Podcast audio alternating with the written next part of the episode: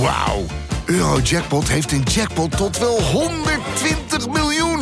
En dat is zoveel money. Daarmee kan je een weekendje weg. Met je vrienden. In space. Koop je lot in de winkel of op eurojackpot.nl. Eurojackpot. Een spel van Nederlandse Loterij. Speelbewust 18+. Plus. tuig. Gifmoordenaars. Het zijn allemaal dieven en zakkenrollers. Corrupt. Viespeuken. Wat ze doen met, met vrouwen. Met, het zijn allemaal homo's er aan dat hof van de paus.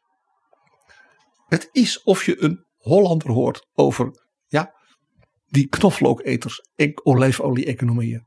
Ze geven het geld uit van ons. hè, Het gaat over de balk. Snaps und Vrouwen. Ja, Jeroen Dijsselbloem. Ja, Dirk Potter was de Jeroen Dijsselbloem van de late 14e, vroeg 15e eeuw. Inderdaad, het is niets veranderd.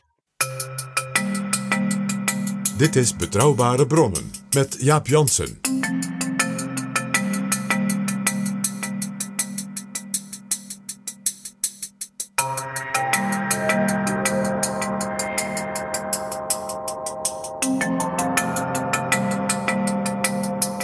Hallo, welkom in Betrouwbare Bronnen, aflevering 100. 100 Jaap. PG, gefeliciteerd. En jij, wie had dit durven dromen? Ik kan, kan je, mag je niet eh, lijfelijk feliciteren? Maar we kunnen naar elkaar zwaaien. En we kunnen onze, met onze thee En we pot, kunnen kunnen we klinken. en straks het glas heffen na de opname. Maar ik zeg het nog een keer, wie had dit durven dromen?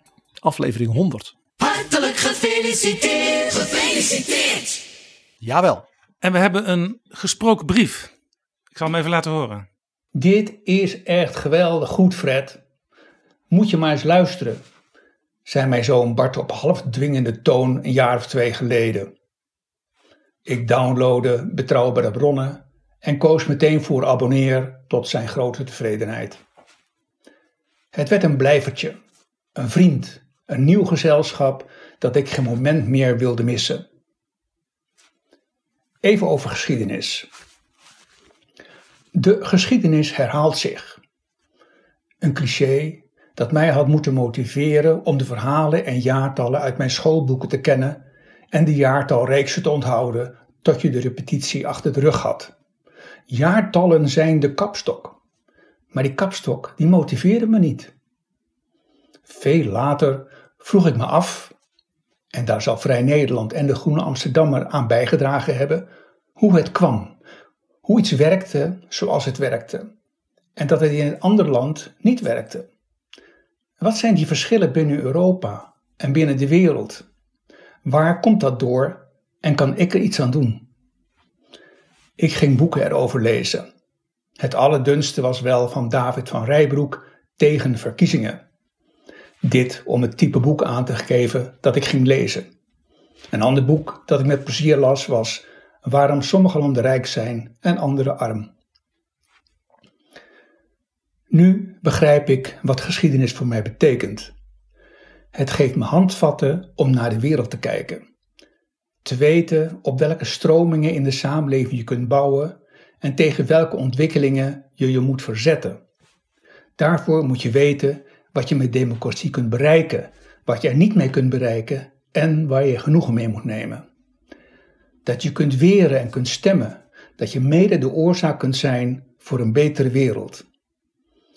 Daarvoor moet je kennis van de geschiedenis hebben en weten hoe dingen gaan en hoe ze zouden kunnen gaan. Het werd me overduidelijk door jullie podcast. Niet te snel oordelen. Kijk naar hoe ze daar gekomen zijn. Zie hoe de verhoudingen gegroeid zijn en doorzie de propaganda. Dank voor jullie mooie colleges en gefeliciteerd met jullie honderdste podcast die allemaal op mijn iPhone zijn bewaard. Hartelijke groet en mijn felicitaties. Fred van de Biezen. Dankjewel, Fred van der Biezen. Dankjewel Fred. Wat een prachtig verhaal. Jaap Jansen en Pieter Gerrit Kroeger duiken in de politieke geschiedenis.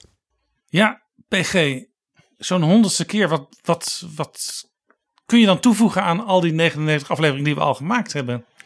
Nou ja, eh, nog meer opera natuurlijk. Eh, en ik zat te denken, Jaap, we zitten op dit moment in de actualiteit midden in een nieuw debat over Europa. En ook over de plek van Nederland daarin en hoe de rest van Europa ook naar Nederland kijkt. Echt ook een typisch betrouwbare bronnenonderwerp. Nou ja, jij hebt vanaf het begin gezegd, betrouwbare bronnen, BB staat voor Binnenhof en Brussel.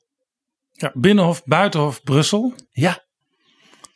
En eh, ja, ook vanaf eh, het allereerste begin eh, hebben wij samen en historisch en in actualiteit en met bijzondere mensen, bijzondere denkers, ook voortdurend over dat soort onderwerpen gepraat. Ik bedoel van nou ja, wat, hè, dat oergestein van Europa, Elmar Brok, 40 jaar ja, in de absolute top. Maar ook een, een, een Manfred Weber, een mevrouw Vestager, Margarethe Vestager. De spitsenkandidaten hebben we gehad. Uh, spitsenkandidaat Pas Eickhoff van de Groenen ook. Uh, maar ook uh, Wopke Hoekstra gaat naar Berlijn voor een grote en belangrijke reden. En gaat in betrouwbare bronnen zeggen: dit is hoe ik mijn visie tot uitdrukking wil brengen. Caroline de Gruiter met haar analyses, ja, die tot in het diepe Habsburg. Judith Varga, de, de rechterhand van Orbán, die met veel vuur haar visie op, zo kijk ik als Hongaarse politica naar Europa, probeer ons een beetje te begrijpen.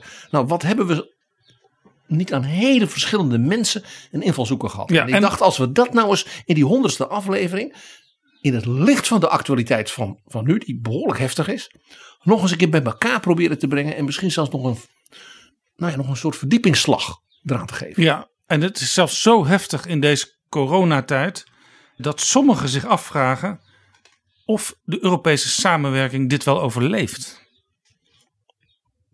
Die vragen komen dus opnieuw op tafel.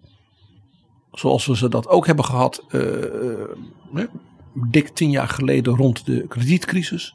die ook uitmondde in een eurocrisis.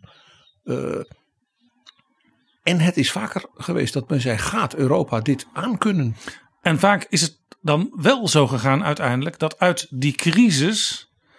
Is het zo gegaan dat die crisis een catharsis bleek. Waaruit weer een heleboel vernieuwingen en acceleratie van Europa voortkwamen. En het grappige is, dat is een inzicht. Dat is letterlijk zo oud als de Europese samenwerking zelf.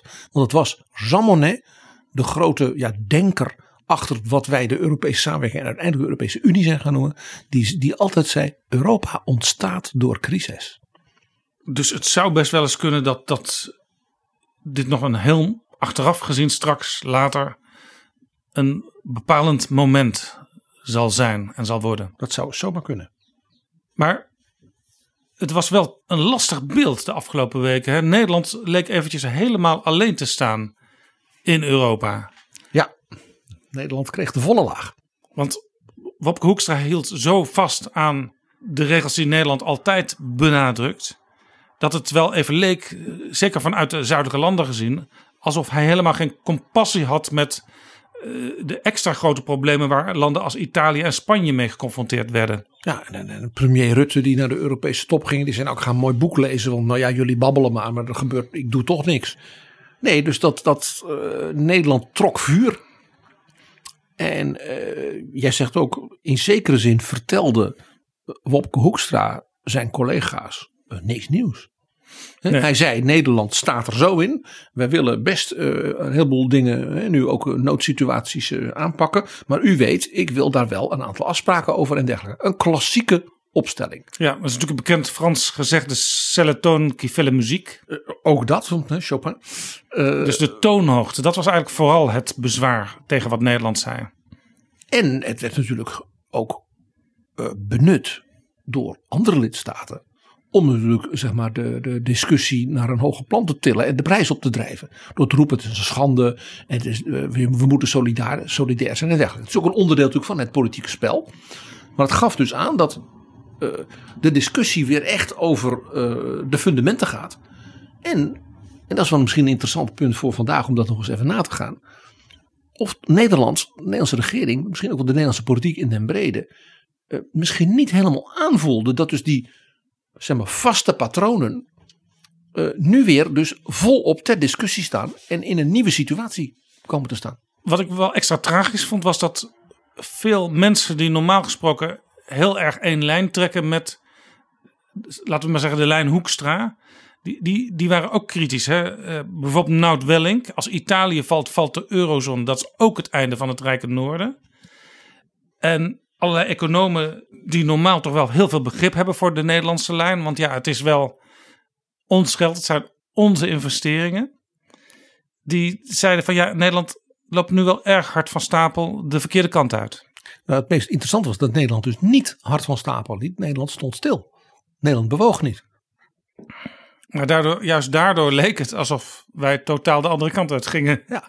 Ik zeg wij, dat is altijd een beetje raar in Nee, dit soort dat- discussies. Maar de Nederlandse ik, regering. ik vond eh, eh, de opmerking van de Italiaanse voorzitter van het Europees Parlement. Die was, eh, die was op een mooie manier vilijn. Want die zei van kijk, wij zullen in Europa elkaar moeten vasthouden. We moeten elkaar helpen. Dat hebben we ook altijd gedaan. Dat moeten we dus nu ook weer doen. En het is natuurlijk ook gewoon in het belang van elke lidstaat. Hij zegt, want kijk, zit hij als dus een land als Spanje, als een land als Portugal, een land als Italië, kopje ondergaat.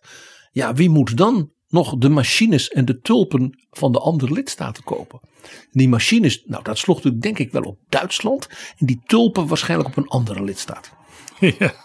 Maar is het een idee dat we, dat we eens even, een beetje passend toch bij eh, hè, deze podcast, vanuit het verleden en zelfs misschien wel verrassende dingen in een diep verleden gaan kijken waar komt nou die opstelling, zeg maar die mentaliteit van Nederland vandaan, die dus nu weer zo hè, ineens onder vuur lag.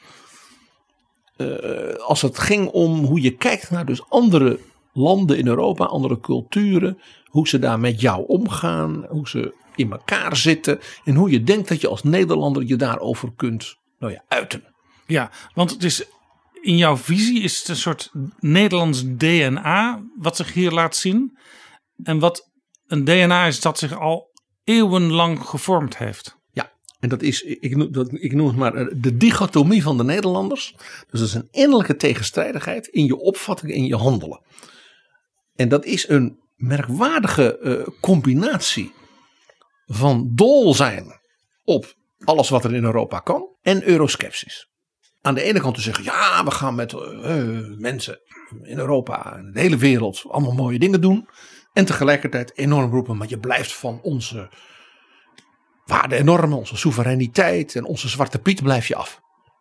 En dat, zit, dat is een heel opvallende innerlijke tegenstrijdigheid. En die is zo oud als de weg naar Rome. Letterlijk.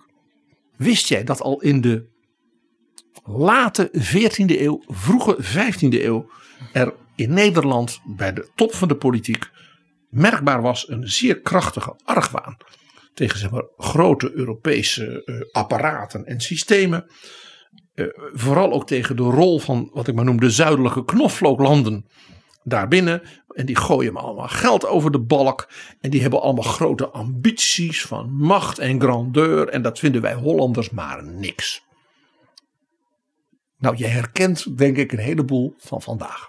En dan heb ik het dus nu over de periode nou, 1375, 1425.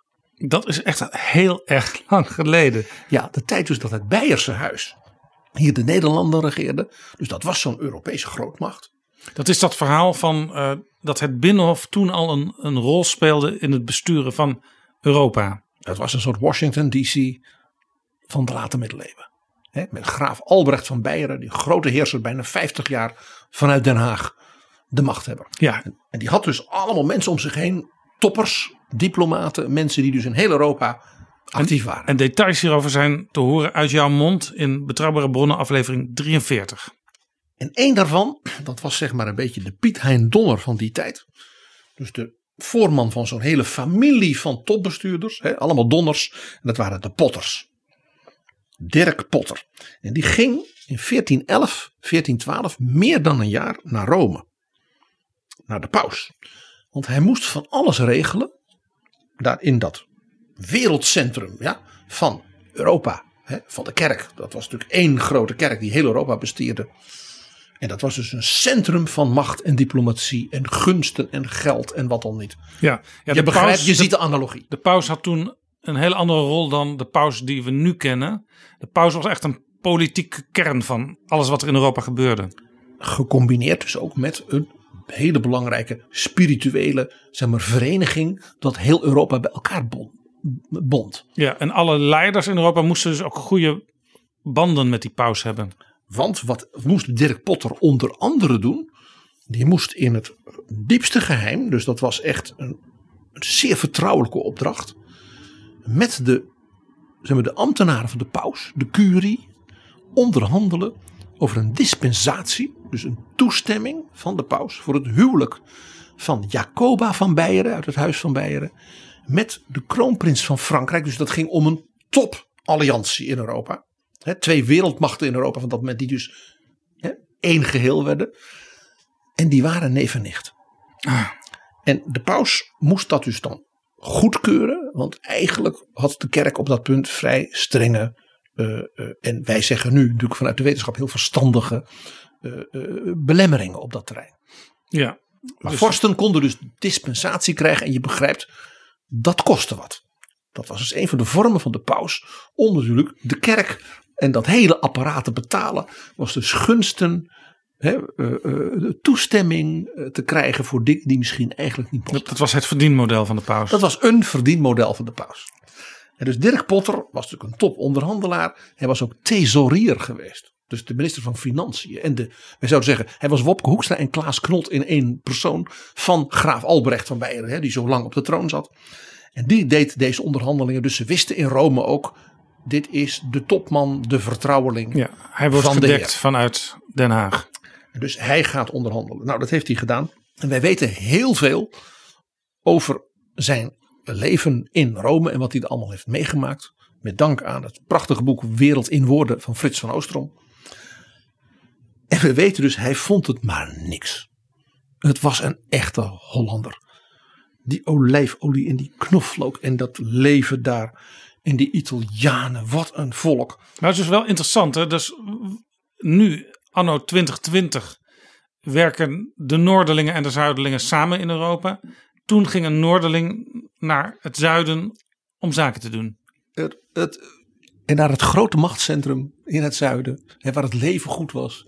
En, en, en dus heel Europa bestierd werd. Het Brussel van toen. En, en Dirk Potter, die was dus gefascineerd door die wereld. Maar ook onthutst. Hij vond het, het leven, de cultuur, de literatuur, de kunst, de, de, de, de, de, elegance, de grandeur. Daar was hij het best gevoelig voor. Zal je straks vertellen waaruit het blijkt. De verhalen die hij vertelde, denk je, oh, het is of je een Hollander ja, over zijn onderhandelingen in zuidelijke landen of in Brussel vertelt. De vrouwen in Italië. Ah, ah, wat zijn ze mooi. De esprit, de charme, die prachtige ogen. Ze zien er zo uit. Die prachtige kleding. Oh, Sofia Loren. Ja, eh, sexy. Geweldig vond hij ze. De Italiaanse mannen. Hm. Tuig.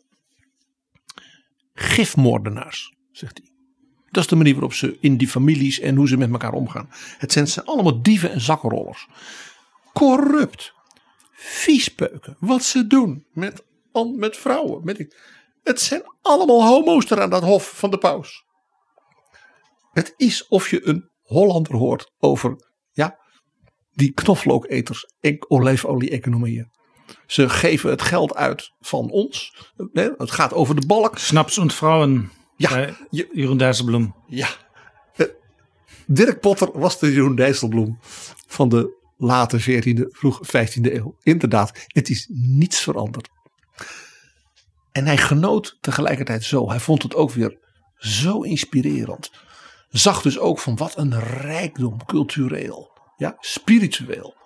eh, wat, ja, het leven daar. Hij is de eerste Nederlander die dus uit de Italiaanse poëzie en literatuur hele vertaling heeft gepleegd. Dus hij heeft vertaald het, het boek met allemaal gedichten en, en, en, en essays. En dat heette Fiori di Vir- Virtù, de bloem der deugden.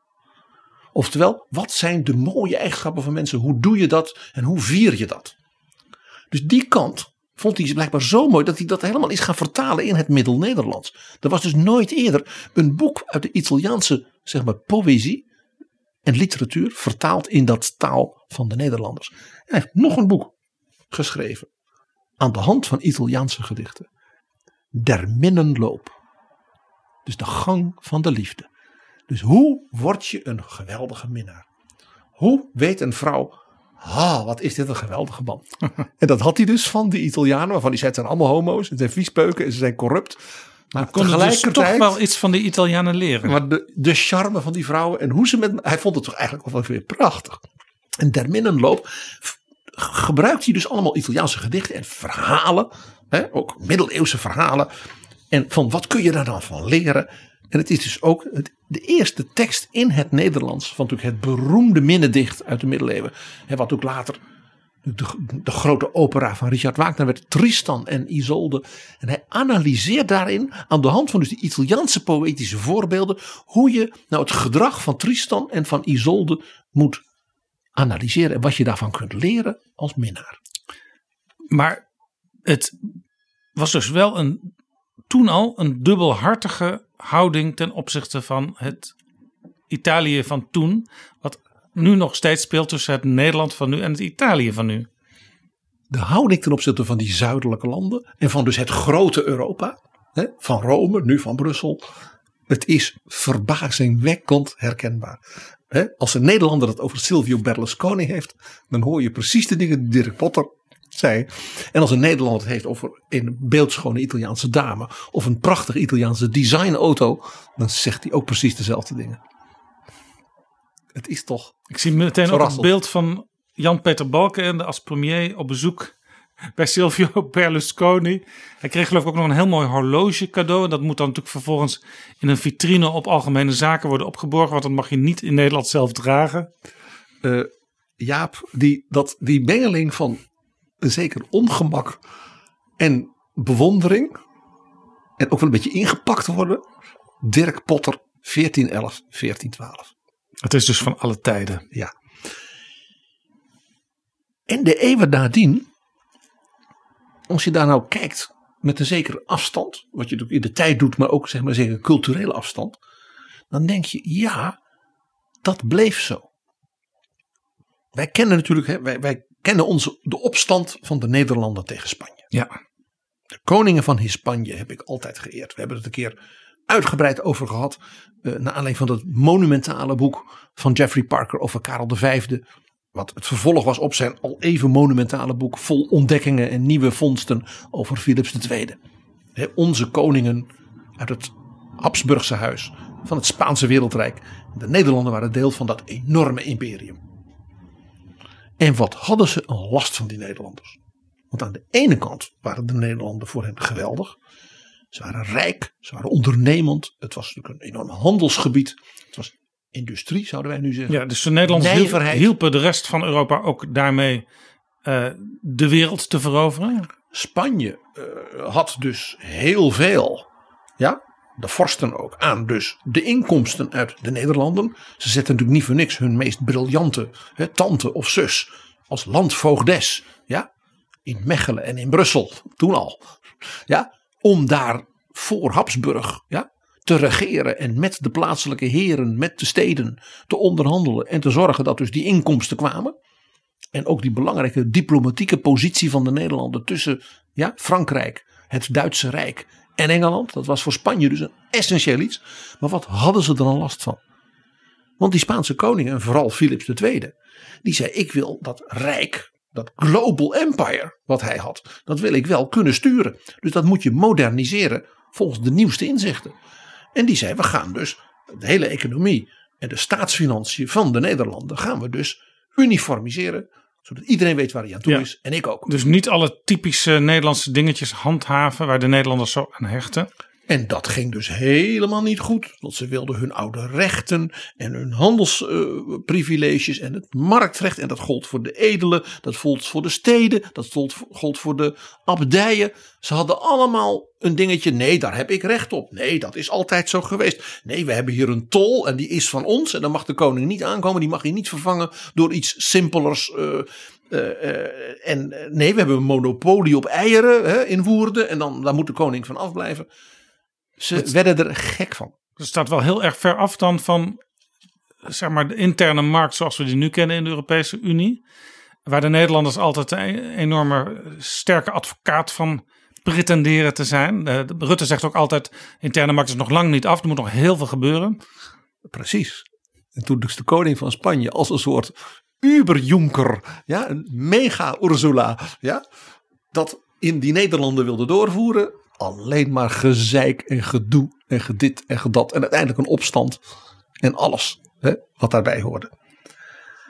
Dus die, dat typisch Nederlandse particularisme. Dat zeggen nee, nee, nee, nee, nee. Dit willen we niet. We willen onze eigen dingen. En zo'n Spaanse koning die daar vanuit het Escoriaal dat hele wereldrijk bestuurt. Ja, dat moeten wij zeker betalen. Ja, geen cent naar het Escoriaal. Zou je, hoor je bijna iemand Ja, roepen. ja, terwijl, terwijl misschien het wat vereenvoudigen van de regelgeving in het land Nederland zelf ook wel extra geld, extra inkomsten kon opleveren. De koning probeerde voortdurend duidelijk te maken. Hè, met adviezen. En de, van als we dit doen. Dan gaat dat dus het handelsverkeer. De economische bloei. Multiplier. in die steden. En ja, dat wordt, jullie worden alleen maar rijker. En dat is fijn, want dan kan ik door een simpeler en Ja, helderder en dan hoef ik minder te heffen. En dan krijg ik meer. En dat is goed, want dan kan ik eh, de Turken verslaan. Ja. Want die belegeren Wenen voor de zoveelste keer. Kijk, die Spaanse koning die dacht in termen van global empire. Peru, de Filipijnen, eh, ja, eh, de, de Balkan, Constantinopel. de vloot samen met de Venetië op de Middellandse Zee. En, die, en de, de, de marktrechthouders in Woerden. Die zeiden ja, het is allemaal best. Maar ja. Bleef Nederland, Nederland had het dus wel met zichzelf getroffen. Daar komt het op neer. Ook. Ook. En die privileges, onze rechten, die zijn van ons en daar blijf je vanaf. Totdat het ons beter uitkomt en dan ineens. Maar dat duurt even voordat de Nederlanders dat precies doorhebben. Ja, en ze willen het vooral niet van bovenaf. Hè, vanuit Rome, het Escoriaal of Brussel opgelegd. En ook nooit toegeven dat eh, misschien anderen het wel eerder bij het rechte eind hadden. Laat staan dat. We kregen natuurlijk na die opstand tegen Spanje. Hè, kwam de Republiek. Dat was natuurlijk al iets heel aparts. Hè, dat was in Europa een uitzondering. Ja, je had de Zwitserse federatie. Maar ja, dat was een hele losse federatie van kleine Alpen dingetjes. Je had natuurlijk steden als Ve- Venetië, Genua. Ja. Eh, je had een stad als Hamburg. Dat was in feite ook een soort republiek. Maar dan, dat was het wel ongeveer. Dus het was iets heel uitzonderlijks. En die republiek, die begon toen zeg maar, de enorme macht die in de, wat wij de Gouden Eeuw hadden, wat begon te vervallen. Dus eind Gouden Eeuw en daarna de 18e eeuw. Een, een politiek die ook tot de dag van vandaag doorklinkt. En die eigenlijk aansluit met wat we hiervoor al zeiden. En dat is een politiek die van Europese neutraliteit.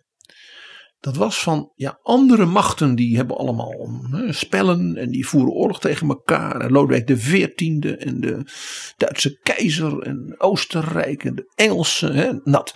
En wij zitten daartussen en wij willen er vooral ons niet te veel mee bemoeien. Dus wij Nederland, zijn neutraal. ja, Nederland wilde dus ook geen, groot, geen grote krijgsmacht. Want eh, als je geen pretenties hebt en als je met iedereen samenwerkt, ja, dan hoef je ook niks te vrezen. Dat was ook een beetje het idee. Da- Er was dus ook geen zeg maar territoriale ambitie. Het was niet van we gaan eens kijken op dat toch vervallende Oostenrijk. Kunnen we dat België niet eh, veroveren? Nee hoor. Nee, we willen voorkomen dat Frankrijk het verovert. Dus Nederland was een bondgenoot van Oostenrijk. ja, zul je zo denken, ja dat zijn toch Habsburgers. Die hebben dat België nog. Ja nee, maar we willen, we niet dat Frankrijk zich daarmee gaat, mee gaat bemoeien. We hebben één keer in die twee eeuwen het rampjaar gehad. 1672. En waarom was dat? Toen was dus de politiek mislukt van die neutraliteit. Toen had Nederland het zo verknoeid dat het had en Engeland met zijn vloot en Frankrijk met zijn enorme leger, Lodewijk XIV, en de bisschoppen van Münster en Keulen met hun rijke landerijen, hun grote legers aan onze oostgrens, die allemaal Nederland gingen Verdelen en heers werkte niet. Juist. Het Engeland tegen Frankrijk uitspelen. Het Frankrijk tegen Oostenrijk uitspelen. eh, ja. Eh, ineens was het mislukt. En daarom was dat het rampjaar. Want toen kon die, die republiek kon daar niet in zijn eentje tegenop. Is dat Michiel de Ruiter met zijn vloot de wonderen verrichtte op, op de zeeën. Maar eigenlijk was het voorbij. En meer door geluk dan wijsheid is het allemaal nog min of meer terechtgekomen. Maar dat was een enorme waarschuwing. Als je bezoekt als dat spel van evenwicht binnen Europa. En dus ook inderdaad wat jij zegt verdeel en heers. Dat moet je blijven voeren. Je moet voortdurend dus neutraal blijven Ja. tussen die machten. En soms ook wel. En niet meedoen met hun spelletjes. Ja, en soms de machten ook mogelijkheden geven om bijvoorbeeld op Nederlands grondgebied te onderhandelen. Of mensen voor wie de grond onder de voeten te heet werd, in bijvoorbeeld Frankrijk, een wijkplaats in Amsterdam bieden. Ja, precies. Descartes, de Joden, de Hugenoten, eh, Elsevier. Waardoor toch heel veel landen en regimes toch ook weer een soort waardering voor Nederland hadden van als er iets misgaat kunnen we altijd nog even kijken of we via Nederland iets kunnen bereiken. Nee, het was die plek van, zeg maar, waar het neutraal was. Eh, wat bovendien dus een republiek was. Dus het was niet een vorst die daar als het ware een soort absolute monarch was. Dat maakte het dus voor die andere landen eh, doenlijk om dan daar te onderhandelen voor bijvoorbeeld een wapenstilstand of een vrede. En dus vandaar dus die lange reeks, de vrede van Rijswijk, de vrede van Nijmegen en natuurlijk 1713, de belangrijke vrede van Utrecht. Die in feite het einde maakte aan wat je zou kunnen zeggen de godsdienstoorlogen in Europa. En dat dus ook als het ware het Europese evenwicht weer herstelde. Hè, waardoor door Lodewijk XIV, die kort daarna ook overleed, eh, dus moest toezien dat zijn enorme ambitie om Frankrijk het dominante land te maken net niet was gelukt. Ja. Maar Nederland speelde dus wel een, een bijzondere rol in Europa toen. Ja, maar dus altijd als een land dat zich erbuiten hield. Op één ding na natuurlijk. Dat was heel belangrijk voor Nederland. Vanaf het allervroegste begin in de Republiek. Mare liberum. De vrijheid der zee. Want bij die neutraliteit en bij dat streven naar niet meedoen met de spelletjes van de andere machten, hoort natuurlijk ook. Op zee moet iedereen vrij kunnen handelen en moet je elkaar dus niet beroven Geen piraterij, vrije handel, want daar wordt iedereen beter van. En vooral de Hollanders natuurlijk. Want Nederland had natuurlijk een, wij noemen dat koloniaal imperium, maar dat waren allemaal handelsvestigingen. Dat waren factorijen heette dat. Het woord factory, fabriek komt daarvan. Dat was in de hele wereld kleine plekjes. Pas laat in de 19e eeuw werd dat ook echt een imperium. Waarbij dus zeg maar, heel Indonesië hè, werd ingenomen. Dat imperium van Nederland was dus heel anders dan dat van Spanje. Dat bestond uit een echt global empire van, nou ja, heel Peru, Mexico, dat hele Zuid-Amerika. volkomen ingekleurde wereldkaartdelen, zeg maar. Terwijl Nederland had stipjes aan kusten. Stipjes. Nederlands vlag aan verre kust. Hè, dus Deshima, een eilandje in de haven van Nagasaki. Maar wel het monopolie op alle handel met Japan. Ja. Een paar, paar haventjes aan Ceylon en bij Surat, wat nu bij Bombay is. Maar daardoor kon je dus wel rechtstreeks handel drijven met de groot Mogul, Ja. de keizer van India. En ondertussen in de loop van eeuwen het internationaal recht bevorderen. Staat zelfs in onze grondwet tegenwoordig. Bevordering van de internationale rechtsorde. En dat komt daarvan. Dat Nederland zichzelf beschouwt als de hoeder van het internationaal recht.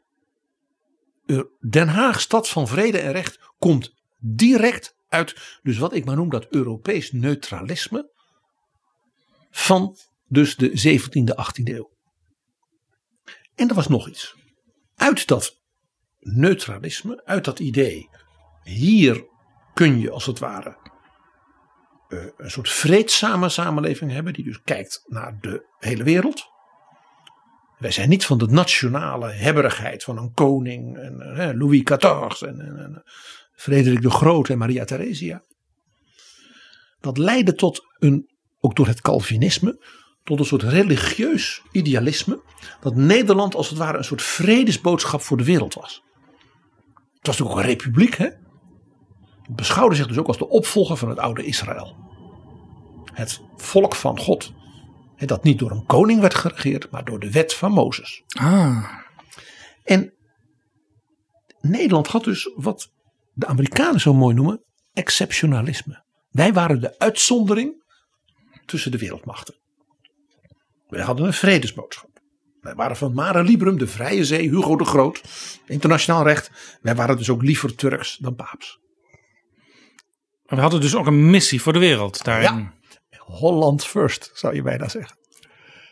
En dit hele idee van Amerika als de nieuwe wereld. Ook het nieuwe Israël, het nieuwe Jeruzalem. Waar komt dat vandaan? Je raadt het al, hè?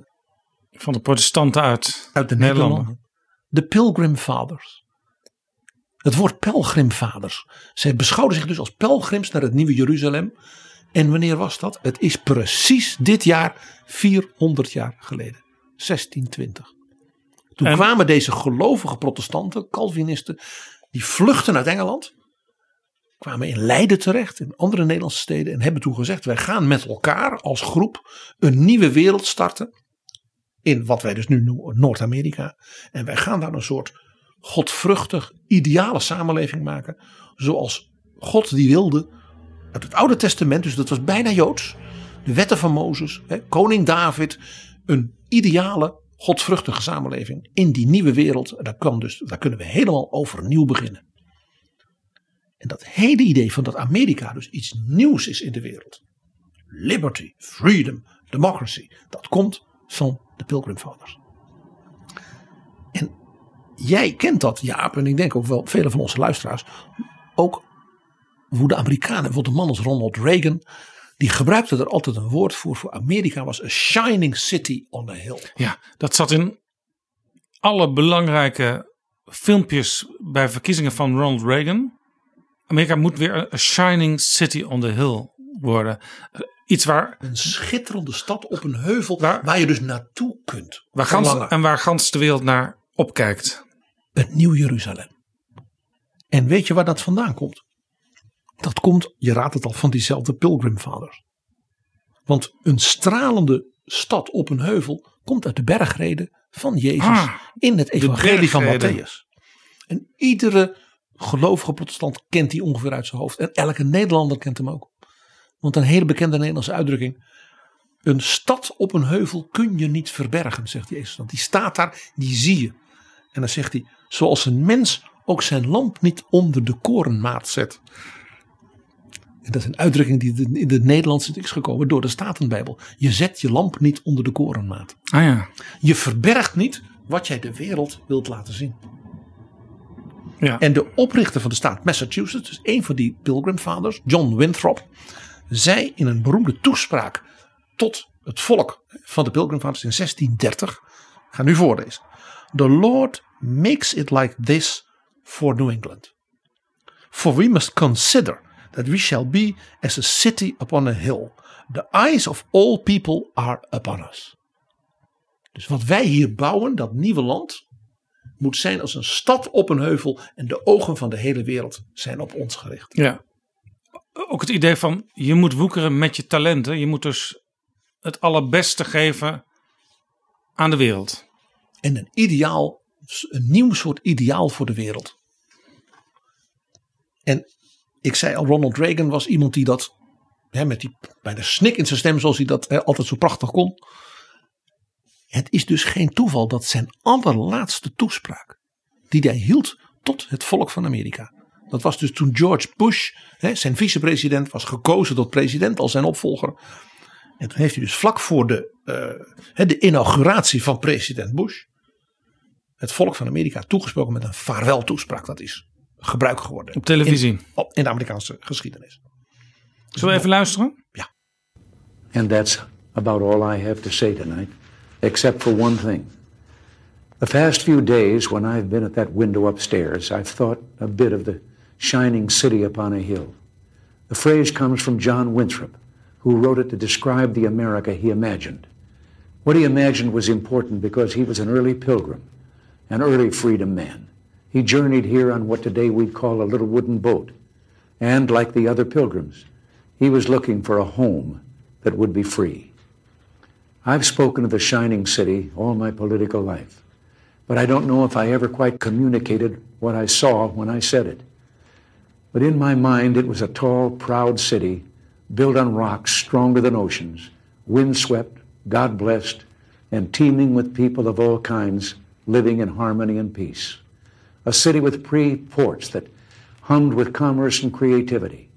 And if there had to be city walls, the walls had doors, and the doors were open to anyone with the will and the heart to get here. That's how I saw it and see it still. And how stands the city on this winter night? More prosperous, more secure, and happier than it was eight years ago. But more than that, after 200 years, two centuries, she still stands strong and true on the granite ridge, and her glow is held steady no matter what storm. And she's still a beacon, still a magnet for all who must have freedom, for all the pilgrims from all the lost places who are hurtling through the darkness toward home. Je hoorde het Jaap. I've spoken of the shining city all my political life. In my mind it was a tall, proud city built upon rocks stronger than oceans. That's how I see it and see it still. Het was dus zijn meest intense, zeg maar, politieke ja, droom, visioen van Amerika. En dat komt dus uit die republiek van ons in de 17e, 18e eeuw. Heb je dus als symbool van vrijheid, ook van uh, internationaal recht. En van dus neutraliteit. Wij doen niet mee met de vieze spelletjes van de andere machten. Ja, Reagan had dat zonder dat hij dat misschien zelf besefte, dus uit de Nederlandse wortels. Je begrijpt dat als je dus als republiek je zo in Europa positioneert. Dat niet iedereen in Europa daar meteen van bewondering over liep. Want men had zo zijn ervaringen met die Hollanders. Niet alleen natuurlijk in de handel, maar ook op de koloniale vaart en die Nederlandse vloot. Dus er werd wel met enige, soms ergernis, maar ook wel, ik zal maar zeggen, een beetje, beetje vals naar die pretentie van die Nederlanders gekeken. Het was niet allemaal, allemaal een soort zuiver, zuiver uh, Hugo de Grootachtige uh, goedheid voor de wereld. Nee, ze vonden de Nederlanders vaak ook best arrogant en behoorlijk hypocriet. En de allermooiste omschrijving hiervan, in maar drie woorden, is dan ook van de een van de allerbeste epigrammisten uit de literatuur. En dat is natuurlijk een Fransman. En dat was Voltaire. Die omschreef de republiek in drie woorden. Canard, canot, canaille. dus eende, kana, uh, grachten, grachten en tuig. Gaius. En Gaius. Drijfsessies, gachten en Gaius. ja. ja. Nou, dat geeft iets aan hoe dus de, zo'n, zo'n, zo'n Franse intellectueel, hoe die dus naar die Hollanders keek. Maar iemand van een heel andere herkomst. John Adams, eind 18e eeuw. Dat was de onderhandelaar voor de nieuwe republiek, de United States of America die was nog door geen enkel ander land erkend. Dat waren dus rebellen ja. tegen de koning van Engeland. Ze hadden de steun van Frankrijk, maar officieel bestonden ze niet. En John Adams verhuisde naar Amsterdam, want dat was de plek voor zeg maar de, nou ja, wij zouden zeggen, staatsleningen. Dit was eh, zeg maar de, de, de, de, waar Christine Lagarde van die tijd zat. Daar kon je leningen krijgen bij die grote bankiers hè, die nog altijd in Amsterdam ja, zaten. De Gouden Bocht. Ja. En ja hoor, hij kon dus melden de, het congres in uh, Philadelphia, want dat zat daar toen, dat hem dat lukte. Want die Nederlanders, die zagen dat wel zitten. Want hoe dachten die Nederlanders? Kijk, wij willen die mare liberum van Hugo de Groot. Die vrijheid op de zee. Er komt dus nu aan die kust van Amerika een heel nieuw land met enorm veel scheepvaart. Met ook relatief nog veel voormalige Nederlanders in dat New York, Nieuw Amsterdam. De familie Roosevelt en hoe ze allemaal heten. Ja. En als die dus net als wij een vrijhandelsnatie over die wereldzee worden, dat versterkt onze positie. Dus dat was argument 1. En 2. Men keek ook hier natuurlijk op op wereldschaal naar de wereldmachten. Oh, de Britten raken dus dat Noord-Amerika kwijt. De Fransen zijn daar al min of meer weg. De Spanjaarden zitten in het zuiden, maar ja, dat is een hoop armoe. Maar dan komt er dus een nieuw land. Dus dat machtsevenwicht En wij Nederlanders, wordt beter. wij Nederlanders kunnen eraan bijdragen dat dat een baken van licht wordt. Zo is dat.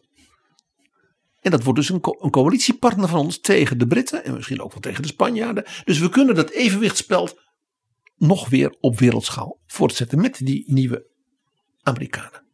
Dus John Adams die kreeg voor elkaar dat er eh, leningen kwamen, dat er hulp kwam. En zelfs dat de schepen van de vloot van de Republiek als eerste, als een Amerikaans schip kwam met de Amerikaanse vlag, dan streken zij de Nederlandse vlag als eerbewijs. Daarmee erkende dus de Republiek die nieuwe Republiek in Amerika als eerste andere natie. Daarom dat Nederland ook altijd bij Amerikanen met dus een historisch verhaal our first ally and friend wordt genoemd. Je- Tegenwoordig zou je dat landingsrechten noemen. Nederland kreeg als eerste landingsrechten. Of Amerika kreeg als eerste landingsrechten in Nederland. Ja, maar John Adams maakte nog een andere kant van Nederland mee. Die wij ook tot de dag van vandaag kennen. John Adams had zijn twee zonen meegenomen als assistent. Die ene was nog een, eigenlijk nog een scholier, maar dat was meer voor, nou ja, eh, in huis eh, een beetje te helpen met zijn pa. Maar de oudste was al oh, 14, 15, John Quincy. Ah ja, En dat was een briljante jongen. John Quincy Adams. John Quincy Adams. John Adams werd president. De tweede van Amerika. En John Quincy werd daarna president. Ja, enige andere Uniek. vader en zoon stel naast de Bushes. John Quincy was toen al dus een buitengewoon slimme jongen. En eh, was ook zeg maar de notulist, secretaris en brievenschrijver voor zijn vader. Dat kon hij al. En zat in Amsterdam dus op school.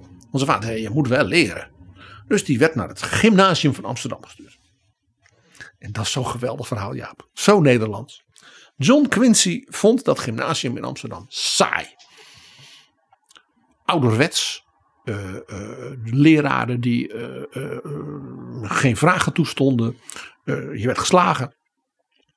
En de boekjes, nou die had hij in Boston allemaal al gehad. Thuis. Dus John Quincy ging klagen.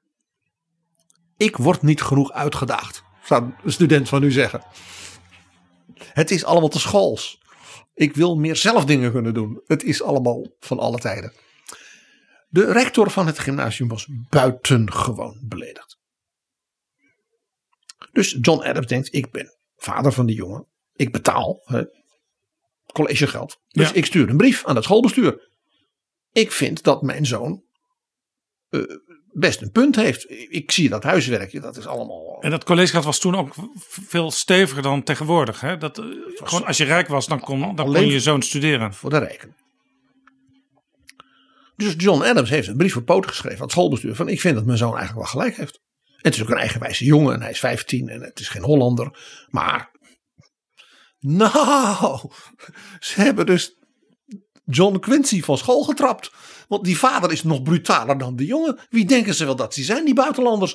Dus in plaats dat ze blij zijn dat ze hier naar school mogen. Ze hebben een grote mond ook. Die allochtoon. En hoe is toen het, eh, het onderwijs voortgegaan voor John Quincy? John Adams heeft gezegd: Nou jongen, ga maar met me mee volgende week. Ik ga nog naar een andere bank in Leiden. En toen hebben ze gepraat met de universiteit. En die zei: Hoeveel eh, kan u betalen? Nou. Ik zei: Nou, dat collegegeld. Hij kan hier wel. Hij is 15. Ja, maar hij is slim genoeg. En hij loopt voor ten opzichte van de andere scholieren in Amsterdam. Dat hebben we dus kunnen vaststellen. dus hij kan hier alvast gewoon gaan studeren. Dus John Quincy Adams was met zijn 15e, 16e student in Leiden. En heeft ook in zijn latere leven, toen hij was later topdiplomaat voordat hij president werd van in Amerika, is dus met enige regelmaat terug geweest in Nederland. Ging dan op bezoek bij collega-studenten en heeft zijn hele leven dus een warm gevoel overgehouden voor met name ook de stad Leiden en zelfs een beetje voor Amsterdam. Mooi verhaal. Zelfs voor Amsterdam. Alsnog. Ja, maar ook wel heel herkenbaar. Wie denk je wel dat je bent? Een beetje kritiek op ons hebben. Bedweters. Brutale, allochtoon. De Nederlanders die, die probeerden dus zo min mogelijk een politieke rol te spelen. Maar wel zoveel mogelijk invloed in de wereld te hebben. En zeker op zo'n nieuw terrein als de Verenigde Staten die zich van de Britten ontdeden. Ja. Dus de lijn van de Nederlanden was neutraliteit ter wille van de handelsvrijheden. Afkeer van allianties met grootmachten die jou opslokken in oorlogen en dingen waar je geen grip meer op hebt. Dus verdeel en heersbalans tussen die landen voortdurend voeren. En je eigen identiteit als republiek, als een soort religieus ideaal met een vredesboodschap eh, eh, brengen. Nederland gidsland. Ja, kanaar, kano, kanaille. Tot Na Napoleon hebben we natuurlijk heel kort een tijdje gehad, 15 jaar maar, dat het Koninkrijk der Nederlanden dus zichzelf als zo'n grootmacht beschouwde. Koning Willem I was bovendien de zwager van de tsaar van Rusland, dat was wat. Maar ja, dat duurde maar 15 jaar, want ja, toen waren die Belgen, die hadden er genoeg van. En toen werd Nederland weer helemaal als van ouds. Dus de Dus je zou kunnen zeggen dat even die combinatie met de zuidelijke Nederlanden van 1815 tot 1830 eh, Nederland een modern land aan het worden was. dat gaf Nederland eigenlijk een, de kans op een heel nieuwe identiteit in Europa als een van de potentieel rijke en grote machtige landen. Ja, wij konden ons op dat moment meten met een land als Frankrijk. Ja, en eh, Frankrijk was natuurlijk. eh, Nederland was een van die landen die dus boven, hè, noord van Frankrijk, door de Engelsen en de Oostenrijk en Pruisen en de, en de Tsaar was neergezet. Omdat Frankrijk natuurlijk in de tank te houden. Hè, waarom Pruisen dus dat hele Rijnland kreeg met Keulen en Bonn. Dat was, hè, dus dat waren de twee blokken. Ja, maar dat duurde dus maar eventjes tot 1830. En jij zegt, eh, toen, kwamen we weer terug in die oude, dat, die, oude groef van neutraliteit. vrijhandel, eh, koloniaal imperium exploiteren. eh, geen allianties met de grote machten, eh verdeel en heers. En wat heel sterk in de 19e eeuw natuurlijk kwam, en daarna nog sterker, dat idee van Nederland als het land, het baken van ja, mensenrechten, vrede. Weet je nog, nooit gebouwd Den Haag, die geweldige tentoonstelling. Ja, Met die, wereldhoofdstad. De wereldhoofdstad van het internationalisme. Waarbij in de duinen van Den Haag er een compleet nieuwe stad zou komen. Met een wereldregering. En ja, vredes, het Vredespaleis is daar dus ook een, een, een soort eh, ja, element was daarvan geweest. Dat hele idee eh, eh, van Nederland was het land van ontwapening ook. Hè? Neutraal zijn we. Dat heeft Nederland toen ongeveer een eeuw nog vol kunnen houden. Dat is dus heel bijzonder. Heel bijzonder. Tot de grote Tweede Wereldbrand uitbrak. Negen- 10 mei 1940. Dat wordt binnenkort natuurlijk wordt dit allemaal herdacht. Dan heeft het over de meidagen. Men heeft het over het bombardement van Rotterdam. Men heeft het over de Grebbelinie. Maar het was dus echt een breuk ook in onze positie ten opzichte van de rest van de wereld.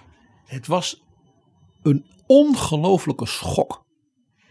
Omdat dus de manier waarop Nederland zichzelf in feite eeuwen dus had gepositioneerd. Werd weggevaagd.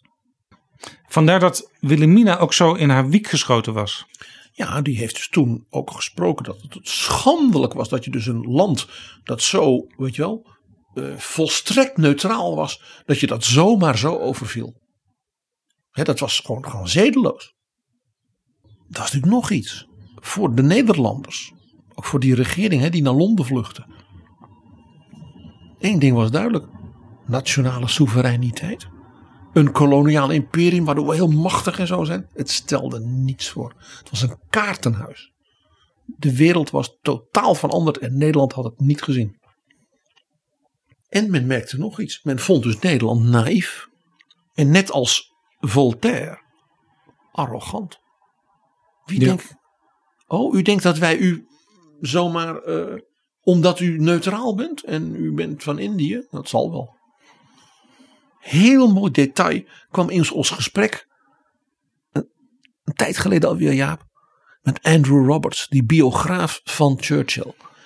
Dat in dat boek staat dat dus de minister van Financiën van Churchill zei: Nou ja, die Nederlanders, ja, die zitten nu hier in Londen, die regering. Eh, Engeland dreigt natuurlijk door die verschrikkelijke oorlog. Eh, ja, economisch en financieel ten onder te gaan. Kunnen wij tegen die Nederlanders die zeggen: Nou ja, Horace, eh, jullie moeten ook wat doen.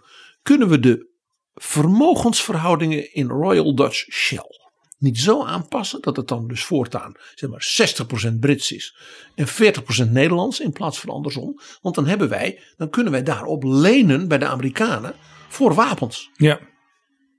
Dat gaf dus aan dat ze zeiden van dat Nederland wegtikken. En dat was Churchill die toen zei: Zo ga je niet om met een land dat op de knieën ligt, dat je ze dan ook nog in de modder trapt. Het is Churchill die dus persoonlijk toen heeft voorkomen dat dat zou gebeuren. Hm. Maar het gaf dus aan hoe men dus ook in de Britse regeringskringen naar dat Nederland keek. Zo van, nou ja, die kunnen we gewoon even, hop. Overigens ook een voorbeeld van hoe in een crisismoment je ook misbruik kan maken van de situatie waardoor je er later financieel beter van wordt. Hè? Wat nu wel door sommige Nederlanders de Italianen verweten wordt. Ja, men is op dat punt net zo argwanend als Dirk Potter.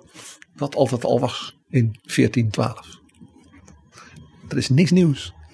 Dat hadden we al gewerkt in het verloop van dit gesprek.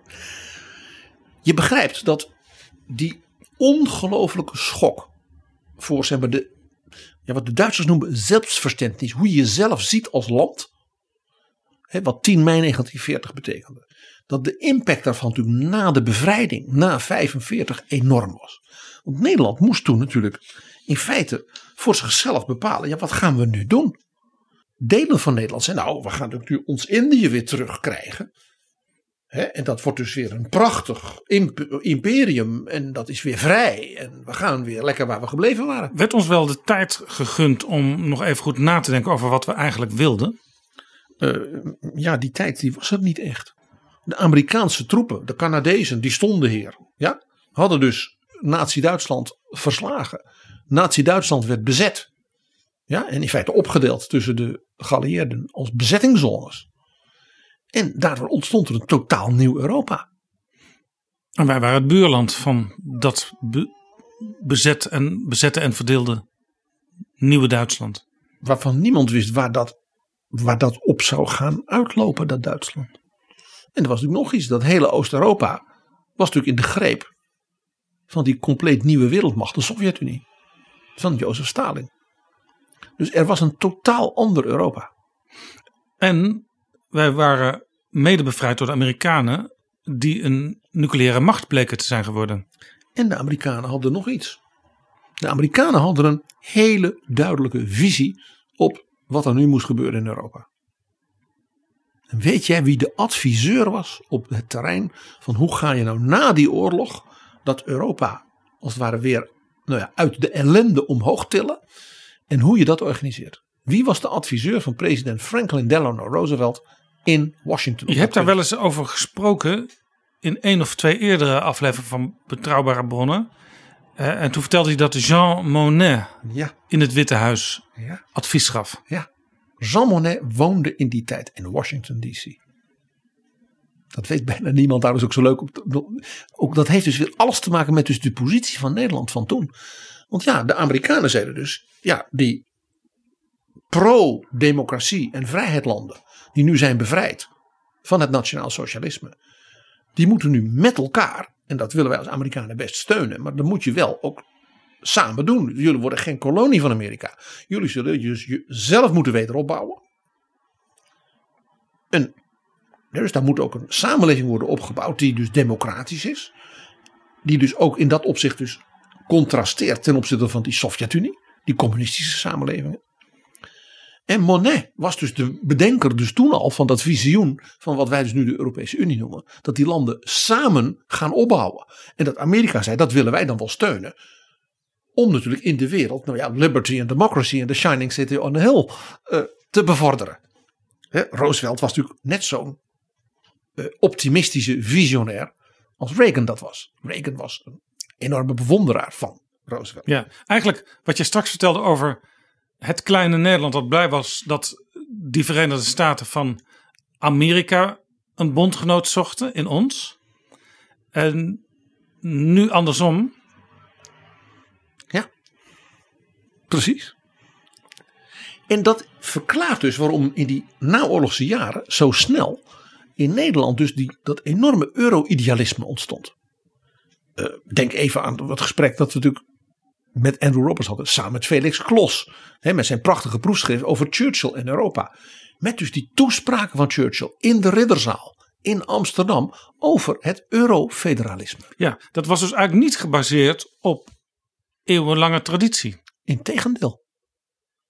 Het betekende dat Nederland dus afscheid zou moeten nemen van dus die eeuwenoude houding van neutralisme en niet meedoen met de anderen in Europa en proberen vooral vrijhandel en dergelijke. Ja, want het was en Europa en een Atlantische blik. Juist. En anticommunistisch. Dus het was een hele duidelijke politieke strategische keuze. Het was ja of nee. Ja, en dat anticommunisme trouwens in de Nederlandse politiek was ook zeer breed. Eigenlijk alle partijen die hadden dat standpunt, behalve natuurlijk de communistische partij. Zeker in, Maar de, zeker ook de Partij van de Arbeid. zeker in de loop van de jaren 40, late jaren 40 en jaren 50. En daarom was dus Nederland in die periode toen dat Europa werd opgebouwd, dus ook zo anti-gaullistisch.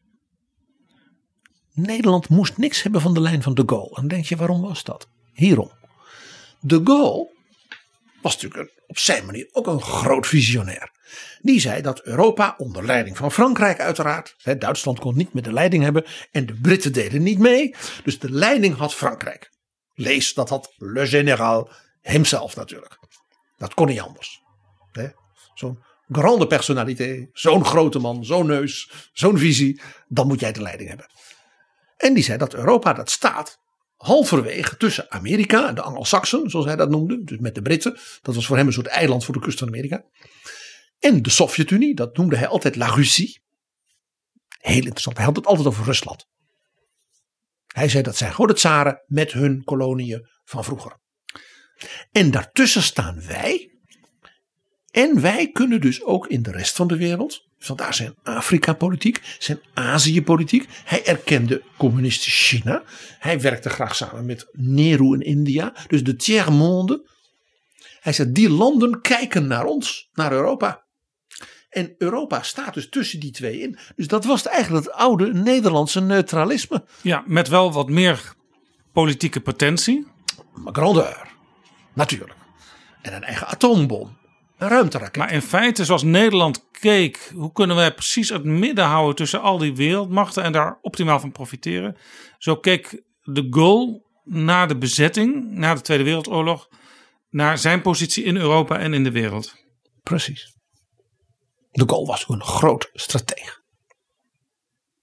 Van, je weet, hij heeft zowel tegen president Johnson als tegen president Nixon gezegd: Weet u wat u moet doen in Vietnam? U moet gewoon afkondigen dat u gewonnen heeft en zich terugtrekken.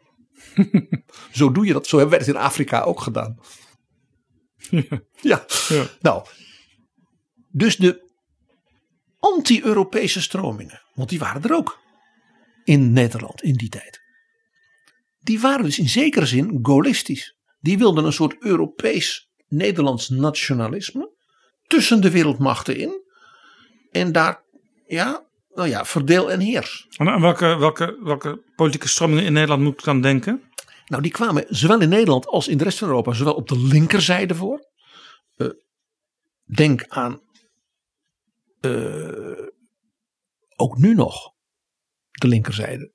Bij Corbyn, bij de SP, bij die linken. En in die tijd, heel interessant, ook bij de SPD in Duitsland, bij Labour, maar van ook bij Willem Drees. Willem Drees was geen groot Europeaan. Die was zeer sceptisch tegen de vorming van Europa. Hij noemde het ook l'Europe Vaticaan.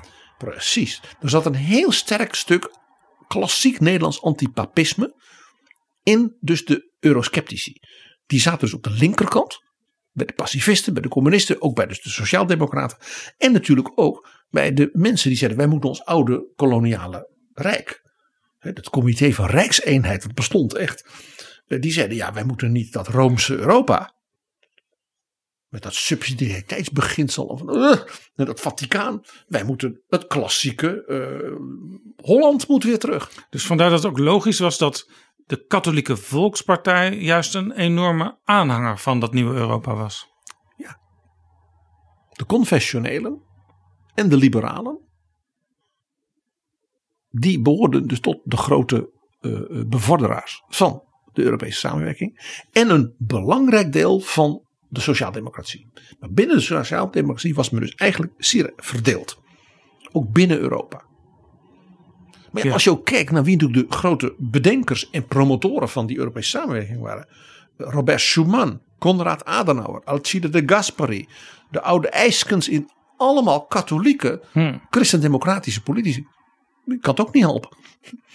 Dus de linkerkant, en vooral dus de, zeg maar, de klassieke linkerkant. eh, De, zeg maar, de oude, de communisten en socialisten. En de zeg maar, pro-koloniale imperia op de rechterkant. Wat je natuurlijk nog altijd ziet bijvoorbeeld in een man als Jean-Marie Le Pen. Wat je ook ziet bij de, bij de Tories. Ja, die waren dus in feite gaullistisch en daarmee dus anti-Europees. En pas eind jaren 50, door zeg maar, interne zeg maar, revoluties in de sociaaldemocratie, zowel bij Labour als bijvoorbeeld ook in de SPD in Duitsland, het beroemde Godesberger-programma. Dus in Bad Godesberg bij Bonn kwam zeg maar, het partijbestuur, de partijraad van de SPD bijeen. En toen hebben ze gezegd: wij gaan stoppen met zeg maar, de ouderwetse socialistische insteek met van Duits nationalisme, want dat was toen nog. Dus niet Europees, maar Duits nationalisme. De nationalisatie van alle basisindustrieën, jawel. Eh, niet samenwerken met het kapitalisme en dus eigenlijk anti-NATO. Daarmee ook dus tegen de Duitse herbewapening. Dat er dus weer een Bundesweer kwam. Ja, om het West mede te beschermen tegen het communisme. Dus de SPD heeft toen die zeg maar, verworvenheden van de Adenauerjaren gezegd. Die accepteren wij. Ja. En toen werd het dus ook mogelijk dat de SPD in de jaren daarna dus ging regeren. Met Willy Brandt, Helmut Schmid. De grote man hierachter was Herbert Wehner. Zeg maar de, de partijleider achter de schermen zou je zeggen, die niet zozeer naar buiten kwam. Dat was de grote, sterke man Ja, daar hebben we het al wel eens over gehad. Over Herbert Hele bijzondere. Wener. En dat was dus een revolutie binnen de sociaaldemocratie. In Nederland zag je dat trouwens ook. De Partij van de Arbeid werd toen ook pro-Europees en pro-NATO. En dus kwam toen ook die scheuring in de PvdA. Waarbij de pacifistisch-socialistische partij, de PSP, uit de PvdA stapte en voor zichzelf begon. Ja, En dat was daardoor. Dit is dus diezelfde ontwikkeling als je dus in de andere grote zeg maar, sociaal-democratische partijen in Europa van die tijd zag. Die werden dus minder gaullistisch en meer pro-Europees. ja. PSP was ook een heel merkwaardige partij. Want eh, die waren dus inderdaad eh, tegen het kapitalisme. Een eh, grote rol voor de staat. En ook eh, industrieën moesten ook wel onder een soort staatstoezicht staan. Het was de SPD voor Godesberg. En tegelijkertijd hadden ze ook een soort van libertijns iets in hun. Maar dat was waarschijnlijk omdat het vooral studenten waren die die partij op de been hielden. Dit is de jaren zeventig. Dit is echt veel later. Dat die partij zogenaamd libertijns werd. Het was gewoon een hele klassieke ouderwetse. eh, eh, eh, zeg maar de sociaaldemocratie in Duitsland zeg maar van voor Godesberg. Je begrijpt. Die Europese Unie, hè, die, dat zo, de EEG, die kwam er dus. En wat wilden de Nederlanders? Ja, die gingen natuurlijk meteen doen wat ze toch al die eeuwen gedaan hadden, Jaap. Dat zit er gewoon in, in het DNA. De Britten moeten erbij, want dan kunnen we natuurlijk het spel weer spelen. De Duitsers, de Fransen, de Britten, dan zit Nederland ertussen. Midden in de driehoek. En dan kunnen we weer neutraal zijn, maar dan wel binnen de EU. De Gaulle, die zei, ja, ik snap dat wel. Ik snap dat wel. De Britten erbij, dan haal je dus dat Atlantische erin. En dan kan dus mijn strategie van dat Europa onder leiding van Frankrijk tussen die twee grote wereldmachten, dat kan ik op mijn buik schrijven. Dus de Gaulle zei, die Britten komen er niet in. En de Gaulle die voerde de druk op. Hij is dus toen zelfs uit de NATO gestapt. Dus ja, ik wil niet die Atlantische samenwerking op die manier. Ja. Ik doe wel mee De politiek van de lege stoel. binnen de EU. Ja, bij de NATO zei hij: Ik ga uit de militaire coördinatie. Ik ben zelf de generaal van Frankrijk. We doen wel mee, want we zijn een westers land. Wij verdedigen de vrijheid en democratie. Daar doen we aan mee. Maar we doen niet mee dat dus hebben de Amerikaanse generaals de Fransen commanderen. En Vandaar dus- dat de Fransen ook altijd aan hun eigen kernwapen vasthielden. dat, hot, dat had er alles mee te maken. En vandaar dus dat het hoofdkantoor van de NATO, dat zat in Parijs als gebaar naar Frankrijk. Dat moest toen ineens met op stel en sprong Naar Brussel. Naar noodgebouwen in Brussel. Dat is vast, echt heel En, fascinerend. en die noodgebouwen, tot, tot voor een paar jaar geleden, zaten ze daar nog steeds. Het was werkelijk. het zag er niet uit. Nee. Het kantoor van Jaap Doop Scheffer, je zou- wou er niet doodgevonden worden. Inderdaad.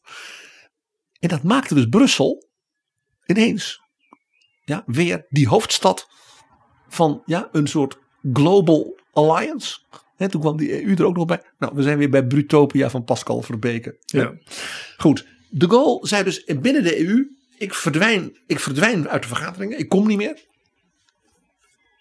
Die speelde het heel hard. Dat heeft hij nou ja, een klein jaar volgehouden, maar toen kon het niet meer. Toen heeft men een compromis gevonden. Dus Europa kon weer verder. Het kon ook wat strakker en beter georganiseerd worden. Daar was de Gaulle ook voor. Maar de Gaulle zei, de, de Britten komen er niet in. Nou, drie jaar later, de Gaulle treedt af. Het jaar erop overlijdt hij. En binnen de kortste keren, wie zaten erin? De Britten. Dit is Betrouwbare Bronnen, een podcast met betrouwbare bronnen.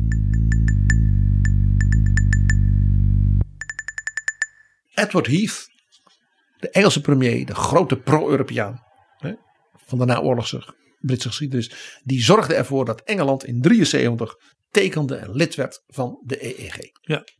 Met steun overigens van de jonge Margaret Thatcher. Zeker, mevrouw Thatcher heeft een enorme campagne helpen voeren in 1975 voor het referendum, waarbij de Britten zeiden, gaan we het nu echt definitief doen? Het antwoord was in grote meerderheid, ja, we gaan het doen. Nou, dus de Nederlanders dachten, nu kunnen wij ons spel weer gaan spelen. Waar de Gaulle voor gewaarschuwd had. Nou, de Duitsers en de Fransen, die dachten, dat gaan wij voorkomen. Dus de nieuwe Franse en Duitse leiders, dat waren Helmoet Schmid en Valéry Giscard d'Estaing, die zeiden, wij gaan de Frans-Duitse as opnieuw leven inblazen. Ja, en toen is de Frans-Duitse as, zoals we die eigenlijk tot op de dag van vandaag kennen, echt tot wasdom gekomen. Ja, dat was een nieuwe fo- format, zou je kunnen zeggen. Na natuurlijk die bijzondere samenwerking van Adenauer en de Gaulle. Maar het waren natuurlijk die twee oude mannen die, dat, Eu- hè, die dus hun land Ja. na de Tweede Wereldoorlog als het ware opnieuw moesten ja, oprichten. En dat natuurlijk op een grandioze en visionaire manier En deden. het idee is nu vaak als Europa zoekende is, zodra die twee landen, Duitsland en Frankrijk, met een compromis komen, dan kan de rest daar waarschijnlijk met wat mitsen en maren mee instemmen. Je ziet ook vaak op Europese toppen dat de eerste persconferentie, zelfs al smiddags soms voordat de top begint, ge- gezamenlijk van de bondskanselier en de Franse president is. Zo is dat. En dat is dus in de huidige format, zal ik maar zeggen, begonnen dus door Schmid en Giscard. En die hebben gezegd, kijk, nu die Britten erbij zijn en die Hollanders gaan natuurlijk hun spel spelen en er komen misschien nog wel meer landen bij. De, er kwam natuurlijk een eind aan de dictatuur in Griekenland. Er kwam natuurlijk de dood van Franco. Het eind van de dictatuur in Portugal. Men zei, die landen gaan we er allemaal bij halen. Dat is verstandig. De Britten waren daarvoor. De Britten zeiden, hoe meer leden, hoe beter. Dus Giscard en Schmid zeiden, dan moeten wij met z'n tweeën wel een soort toekomstperspectief voor Europa hebben. Dat voortbouwt op wat we nu hebben opgebouwd. We beginnen Ja. niet helemaal bij nul. Ja, want veel Britten hadden ook de houding: wij zijn voor die uitbreiding. Want dan krijg je een nog groter handelsgebied. En alle politieke dingen waar Europa zich misschien mee zou gaan bemoeien, dat, daar voelden de Britten niet zoveel voor. En ze dachten: als het nou zo breed eh, eh, genoeg is, Europa, dan kost het ook heel veel moeite om echt hele nieuwe grote politieke stappen te zetten. En dan kunnen Du- Duitsland en Frankrijk niet meer domineren. Duitsland mag dat niet vanwege de Tweede Wereldoorlog. Duitsland moet betalen, maar geen al te grote mond hebben. En Frankrijk is dan gewoon niet machtig genoeg meer. Met de Duitsers ernaast. En wij als Britten. Ja, iets wat je in de praktijk nu ook wel eens ziet in Europa, omdat er toch altijd wel een paar landen zijn die net even iets anders denken dan de rest. Zo is dat. Schmid en Giscard die hebben dus dat toekomstbeeld samen geformuleerd. En dat kennen wij vandaag. Dat was de politieke, economische en monetaire unie. Uiteindelijk groeien we toe naar één groot geheel. En wie mee willen doen, misschien zelfs wel de Britten met die Edward Heath die zo voor Europa is, doe dan mee. En als een land nog niet zo ver is, bijvoorbeeld het Spanje, want Franco is net dood, dan duurt dat even. Nou, dan kom je er later bij. Dat is toen begonnen. De echte grote doorbraak hierbij kwam natuurlijk onder Jacques Delors tussen 1985 en 1995.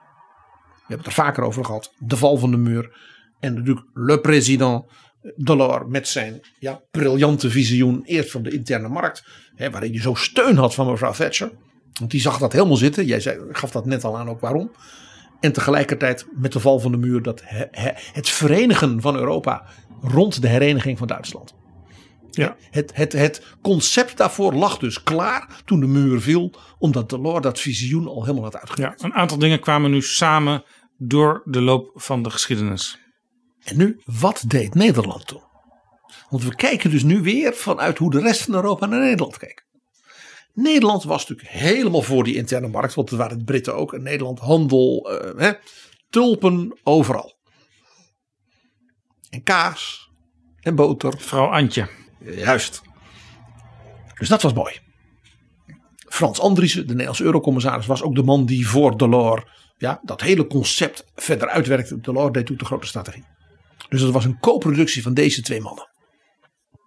Maar Nederland was ook voor dat andere. Nederland was ook voor de uitbreiding van de EU. Dus nog meer landen erbij. Dus Nederland gokte op twee paarden tegelijk. Nederland deed dus mee met zeg maar Delors en Helmut Kohl.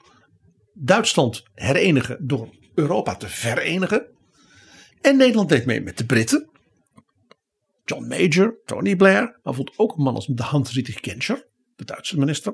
Van de En- liberalen. En de Oost-Europese landen die zeiden van we willen er allemaal bij. En dan worden we allemaal één groot gezellig Europa. En dan worden we heel groot. Ja, daar was overigens wel discussie in Nederland. Het debat over eh, verdieping versus verbreding. Verbreding is steeds al die landen erbij. Verdieping is een meer politieke invulling van de samenwerking. En dus ook snellere besluitvorming binnen Europa. En minder veto. En economische unie, politieke unie, monetaire unie. Dus de euro. Ja, want, horen want, samen. want er werd in die discussie, dat kun je gewoon teruglezen in Kamerdebatten. Er werd wel beseft dat als we te snel uitbreiden zonder dat we dat hele mechanisme van die besluitvorming moderniseren en versnellen. Ja, dan kan het ook wel, wel vaker vastlopen, dat nieuwe Europa. Dus die twee lijnen werden voortdurend tegen elkaar uitgespeeld. Er waren dus twee strategieën en de vraag was welke heeft de voorrang?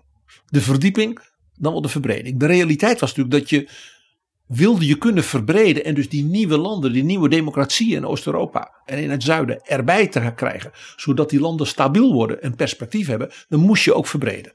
Dat was natuurlijk wat Delors altijd zei. Wat Kool dus hem bij, bijviel. Die discussie in Nederland was natuurlijk altijd, het was of dit of dat. Tegelijkertijd zei de Nederlandse regering, we willen het eigenlijk alle twee. Want we willen vooral de voordelen van het een en de voordelen van het ander.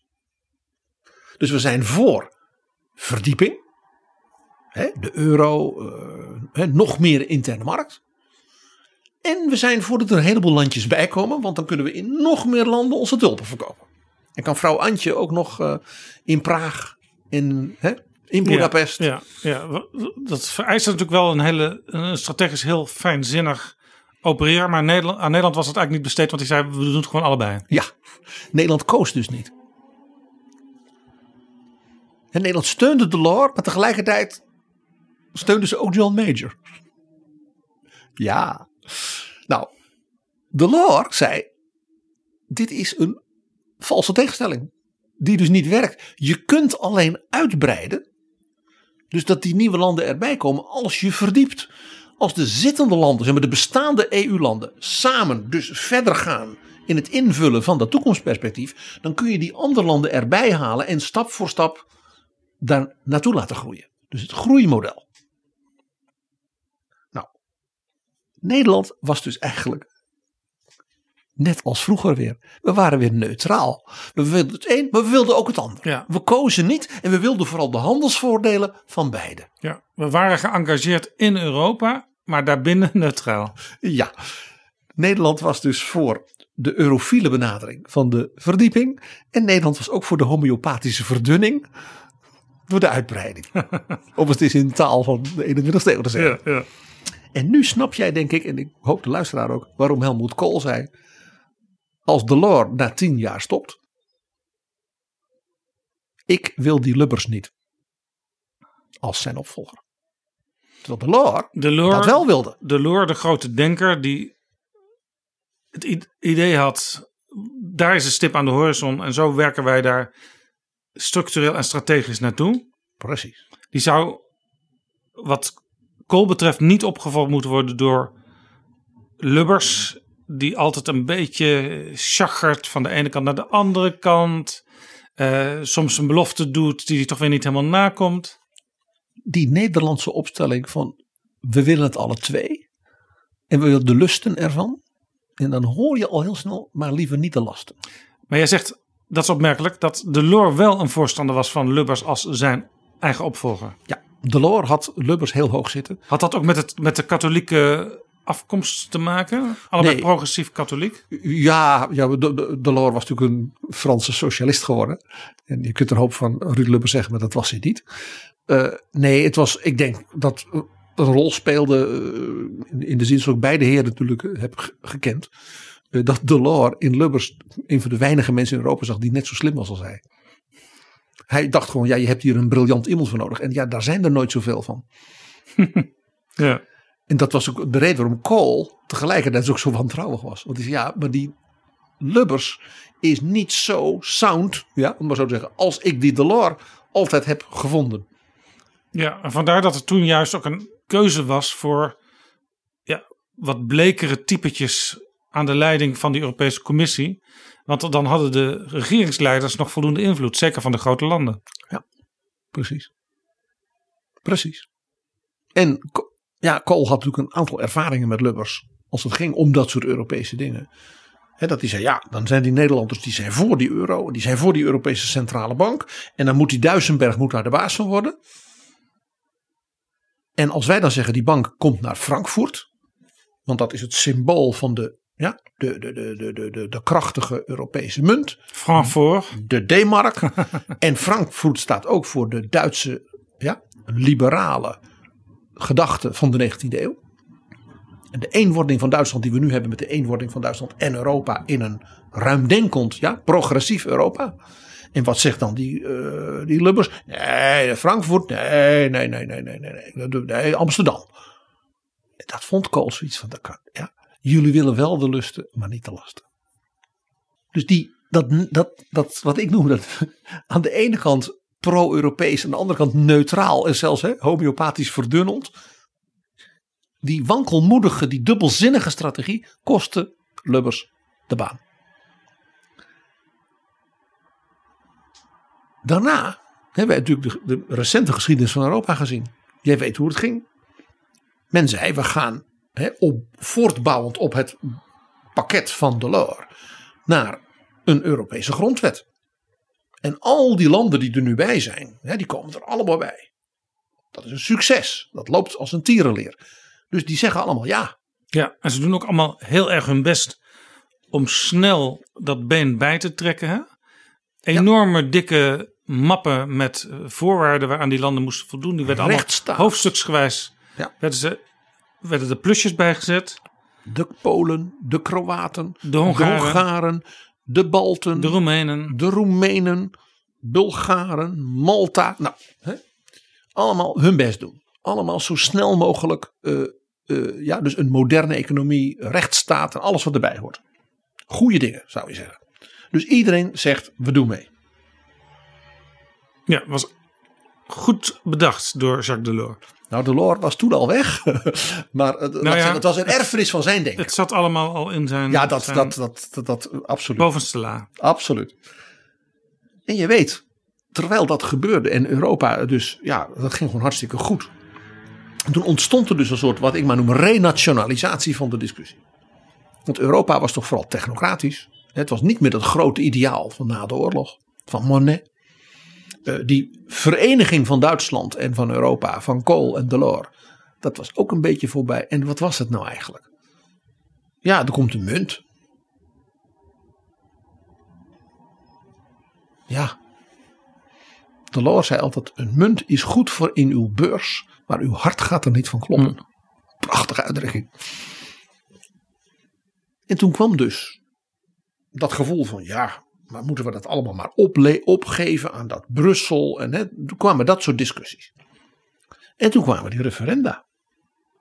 En toen zag je terugkeren de discussie, ook in Nederland, van vlak na de Tweede Wereldoorlog.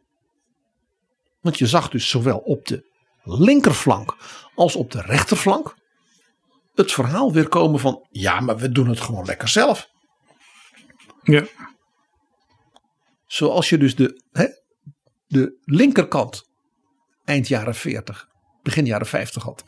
Ja, dat Europa van het Vaticaan. Europa toch een beetje vooral als bedreiging zien. En het is aan de linkerkant, het is kapitalisme. De Amerikanen zitten erachter. Die Jean Monnet en al die Roomse politici. Hmm. En aan de rechterkant van, ja, maar ons empire, ons koloniale wereldrijk. eh, We willen wel zelf weer. Ja, dus die twee vormen van gaullisme, zoals ik dat noemde. En die kwamen dus ineens weer op. En je zag het in Nederland. In 2005 hadden we dat referendum. Nou, jij weet wie er tegen die Europese grondwet waren. Dat waren de SP.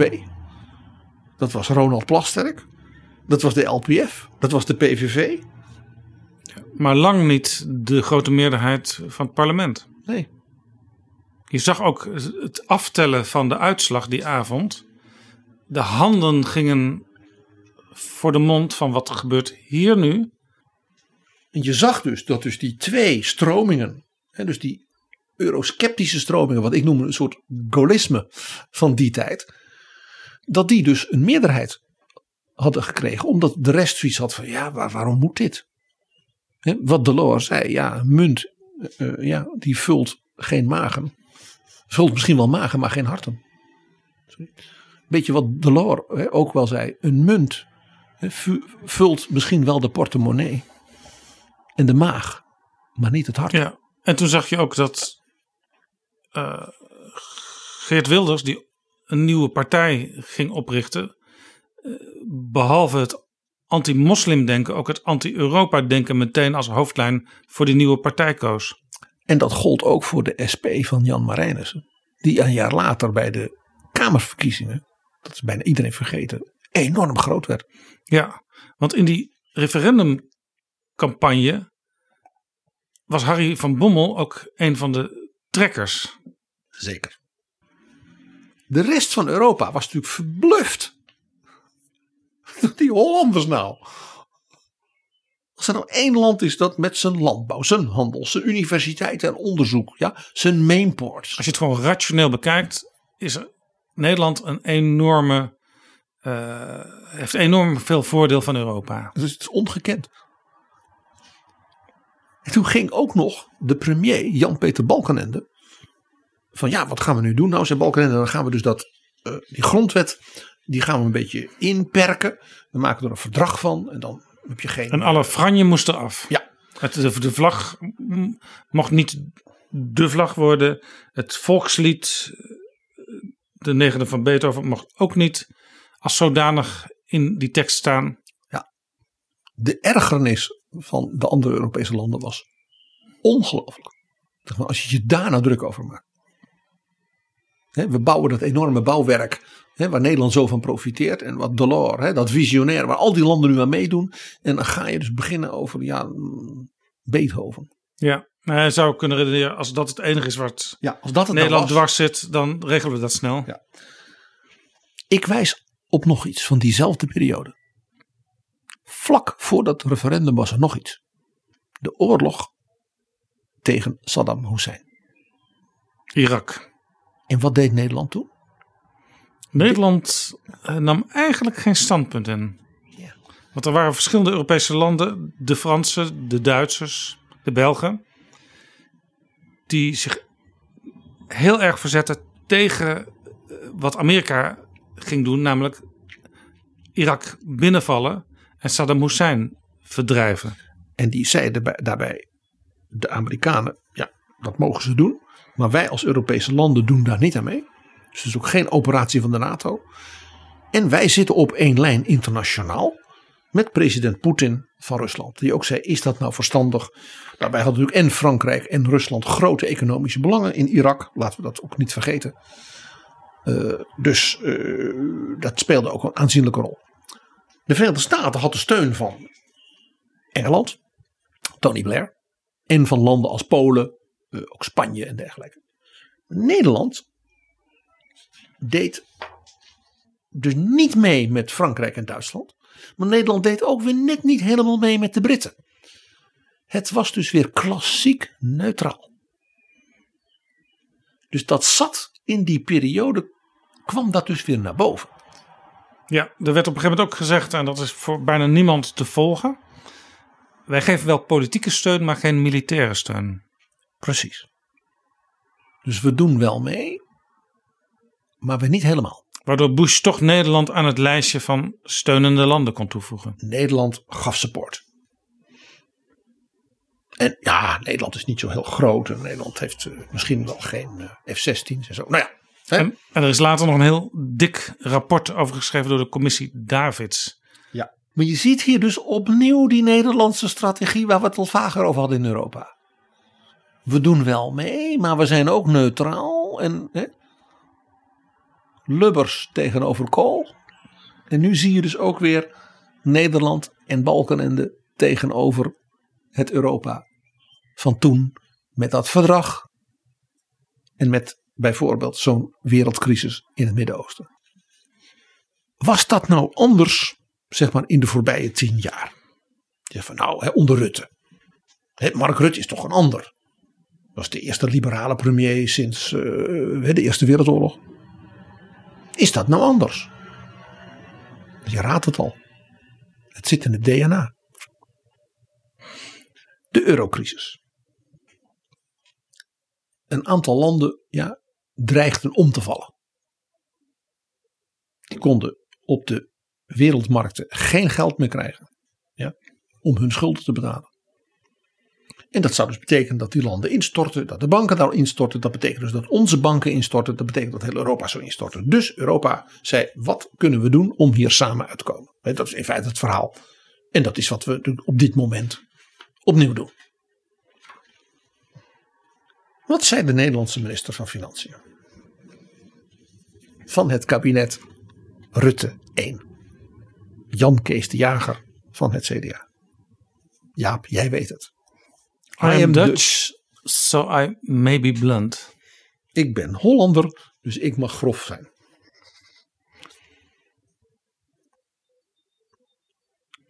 En dat zei hij met trots. Ja, inderdaad. En het, het, het viel niet eens zo slecht in de Tweede Kamer. Uh, nee, natuurlijk niet. Ik vind de Nederlanders prachtig. Het is Dirk Potter, die Italianen die knoflooketers. Die mannen daar, ja die vrouwen zijn prachtig. Maar die mannen geld over de balk smijten. Uh, nou, hè? gifmoordenaars, zakkenrollers. Precies wat in andere context Gerrit Salm eerder zei. Toen Italië tot de euro wilde toetreden. Nou, dat kan niet zoals ze zich nu gedragen. En hij werd dan ook in Italië Il Duro, de harde, genoemd om vervolgens volstrekt door de knieën te gaan. Ja, en dat is dan ook weer dat dubbelzinnige van Nederland. Dat ook weer merkbaar was bij Jan Kees de Jager en Mark Rutte. Want wat zeiden ze? Er gaat geen cent naar de Grieken. Ja. Maar of meneer Draghi toch alsjeblieft zijn he, big bazooka, zoals hij dat noemde. Ja, whatever it takes, wilde inzetten. Want ja, de, de, de Nederlandse hypotheken en het spaargeld en onze banken onze pensioenfondsen, ja, die moesten wel gered worden. Ja, en dat geen cent naar de Grieken was ook zelfs een, een verkiezingsitem. Ja. Het was een belofte waardoor Rutte de grootste kon worden. Ja. En er was natuurlijk geen cent uit Nederland naar de Grieken gegaan. Nederland had garant gestaan voor een aantal noodmaatregelen. En Jan Kees de Jager zei: Ja, dat hebben we zo gedaan. En dat geld dat komt terug van de Grieken. En niemand geloofde dat, zoals je weet. Hij werd uitgelachen. En inmiddels gebeurt het. Zo is dat.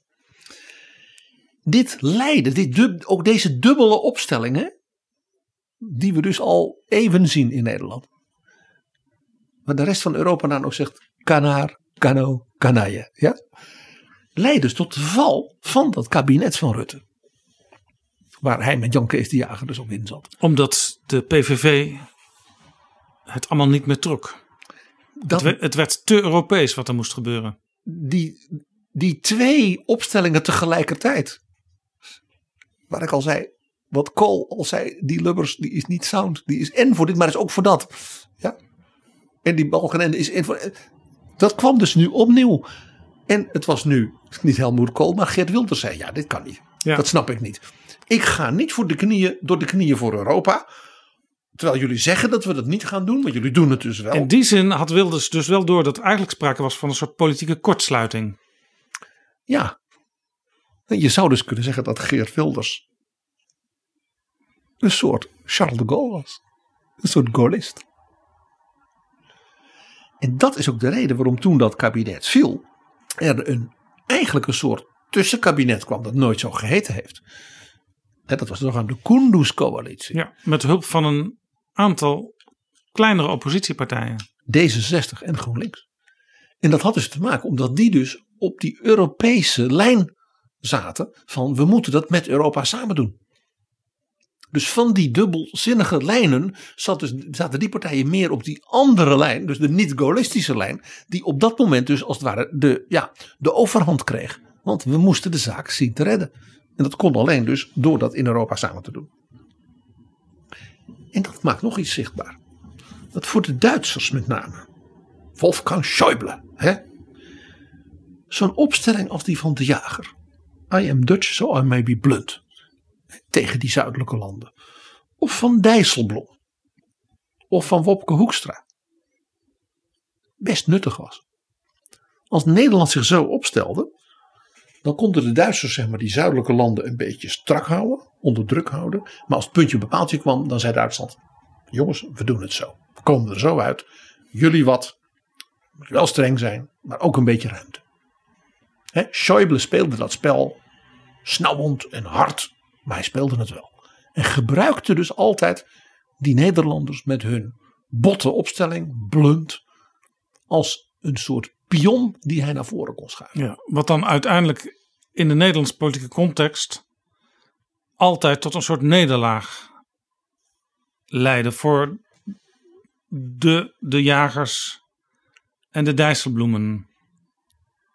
Ja, maar vooral ook van stoer en op één lijn met Duitsland. En uiteindelijk, ja, dan eh, ja, Merkel en eh, Hollande, Merkel en Macron, ja, dat is er een deal. Nou ja, vooruit. Ja, en uiteindelijk kun je Voor natuurlijk Nederland is als, het ook weer niet zo slecht. als leidende Nederlander kun je ook zeggen, ja, uiteindelijk moeten we toch met z'n allen een besluit nemen en iedereen moet wat toegeven. En we hebben toch heel veel uit dat vuur geslept. We hebben zelfs, zegt Rutte dan soms, een top laten mislukken. Weet u nog? Nou, geweldig. Ja. Weet je nog, Jaap, een van al ons, eens ons allereerste gesprekken was met Peter Altmaier. Zeg maar, de rechterhand van Angela Merkel, die was ook de opvolger van Wolfgang Schäuble Ja, als minister van Financiën. En die vertelde toen aan ons in zijn bijzonder kleurrijke Nederlands hoe hij met Wopke Hoekstra en dus die zeven dwergen, hè, zoals dat heette, die gelijkgezinde kleinere landen, hoe hij daarmee omging. Ja, Luister daar was nog heel eens interessant, want hij gaf er een inkijkje in wat je wel vermoedt als iemand die toekijkt. Maar het blijkt dus werkelijk zo te werken. De Duitsers hebben hele stellige opvattingen over het financiële Europa. Eh, maar zijn uiteindelijk ook altijd wel de eerste die een compromis moeten formuleren samen met de Fransen. En vonden het dus heel fijn dat die Nederlandse ministers het harde werk deden. Laten we daar nog even goed naar luisteren.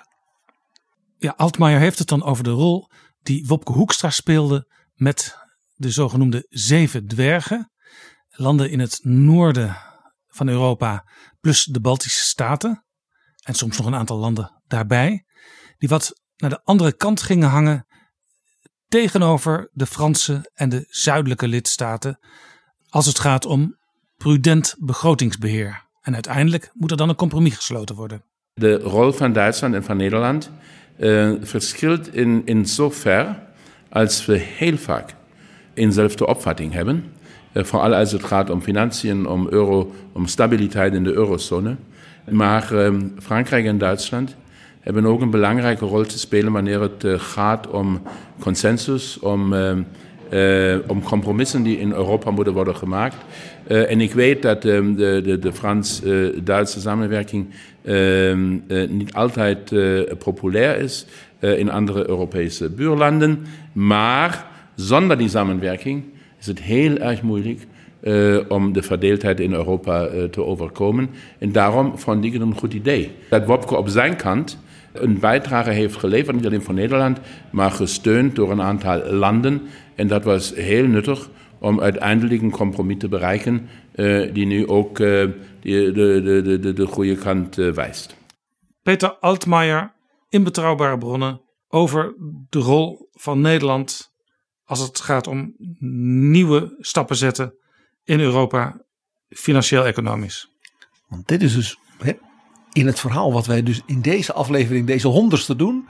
Hoe kijken nou die anderen naar hoe wij opereren? En hier zie je dus een, misschien een van de allerbelangrijkste anderen in Europa. Die daar zo openhartig iets over vertelt. Ja, heel interessant. Deze week was er een debat in commissievergadering in de Tweede Kamer met minister Hoekstra. En dat ging over hoe Nederland nu in Europa staat. eh, Ja, nu er toch wel plotseling eh, heel veel moet gebeuren. En allerlei harde, in, in marmer gebeitelde regels plotseling even niet meer gelden. Iedereen steunde for better or for worse Wopke Hoekstra in zijn beleid. Wel met wat kanttekeningen natuurlijk. Hij had wat meer compassie moeten tonen, zeiden sommige een partijen. puntje hier en een kommaatje daar. En daarmee zijn we inderdaad dus in het debat van vandaag. Ja, met dus affecten en zelfs taal en percepties over onze eh, Europese partners. Hè, waarvan jij en ik zeggen, daar komt Dirk Potter weer langs uit 2011. Niet toegeven aan die zuidelijke knoflooketers die maar dat geld over de balk gooien en die niet deugen. En het Europa van vandaag wordt natuurlijk enorm met zichzelf geconfronteerd. In dat opzicht lijkt het, hoe anders het ook is, wel op die eurocrisis van 2010, 2011. Kijk nou eens even naar de realiteit van dit moment. Wat zijn de dingen van, waarvan zeggen dat daar is Europa als het ware bij al zijn burgers zeg maar, populair door, geliefd door zelfs. Dat blijkt uit alle peilingen. Vrij verkeer. Ja, landen begonnen gewoon zelf de grenzen te sluiten. Levensgevaarlijk is vrij verkeer ineens. Hart van het Europees project. Onbegrensd met elkaar handel drijven, studeren. Ja, studenten, Erasmus, wetenschappers, samenwerken. Slimste mensen ter wereld, allemaal naar Europa. De vliegtuigen stopten met vliegen. Want onbegrensd studeren en handel drijven is zijn ziektekiemen. Dus Europa wordt met zichzelf en met zijn oergedachten geconfronteerd. En ook één ding is ook duidelijk. De toeteraars van nationale soevereiniteit tegen Europa. Ja, die, die weten nu zelfs bijna zelf dat er sprake is van een volkomen achterhaalde fictie. Want gezondheid kent geen grenzen en een virus ook niet. Als je het niet samen doet, ga je er samen aan. Dr. Ngozi. Elk land is pas veilig als je allemaal veilig bent. Precies. En er was nog iets. Dat Europa, weet je nog wel, die verfoeide superstructuren, bureaucratisch, dictatoriaal. We kunnen ons eigen land niet meer, onze eigen no- normen, onze eigen cultuur, onze dit. Wat valt het meest op de voorbije drie, vier weken? Er wordt zelfs geklaagd over Europa dat er niet genoeg gebeurt. En dat één ding blijkt. Europa is extreem flexibel. Schengen, weet je nog, al die afspraken over wel en niet grenzen toelaten. Bleek allemaal zomaar tijdelijk, nu even niet.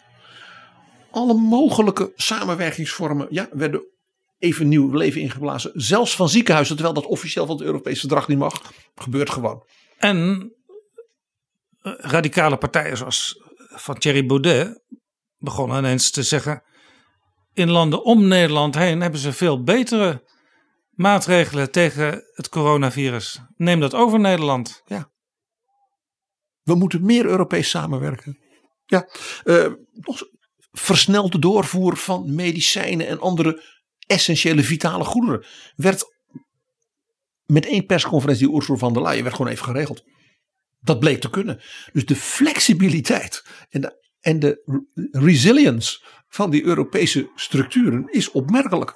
Zie ook hoe de Europese Centrale Bank en bijvoorbeeld dat Europees ESM. Van kunnen we de Italianen en de Spanjaarden niet even heel snel ja, financieel zo tegemoet komen. Dat ze niet zeg maar, instorten. Zodat die ziekenhuizen daar überhaupt niks mee kunnen. Dat bleek allemaal te kunnen. Mevrouw Lagarde zei nou dan doen we dit, dat en dat en dat. Ja. Dus er is, geen, er is nou net een kamerdebat dus geweest met minister Hoekstra. De, de, de basisstructuur blijkt er dus te zijn. En blijkt dus buitengewoon adaptief en flexibel. Hoe anders de beeldvorming. Goed, we, zijn, we waren dus in Europa. Nederland in Europa. Een dubbelhartige houding vaak. Ambivalent. Ja. Ik gebruikte de term dichotomie. Dat klinkt ook mooi. Want jij zegt dubbelhartig. Mag, mag ik nog één voorbeeld geven van de voorbije weken? Weet jij nog dat Mark Rutte met dat boek over Chopin naar die Eurotop ging? Ja. En toen ging het of het 1,07%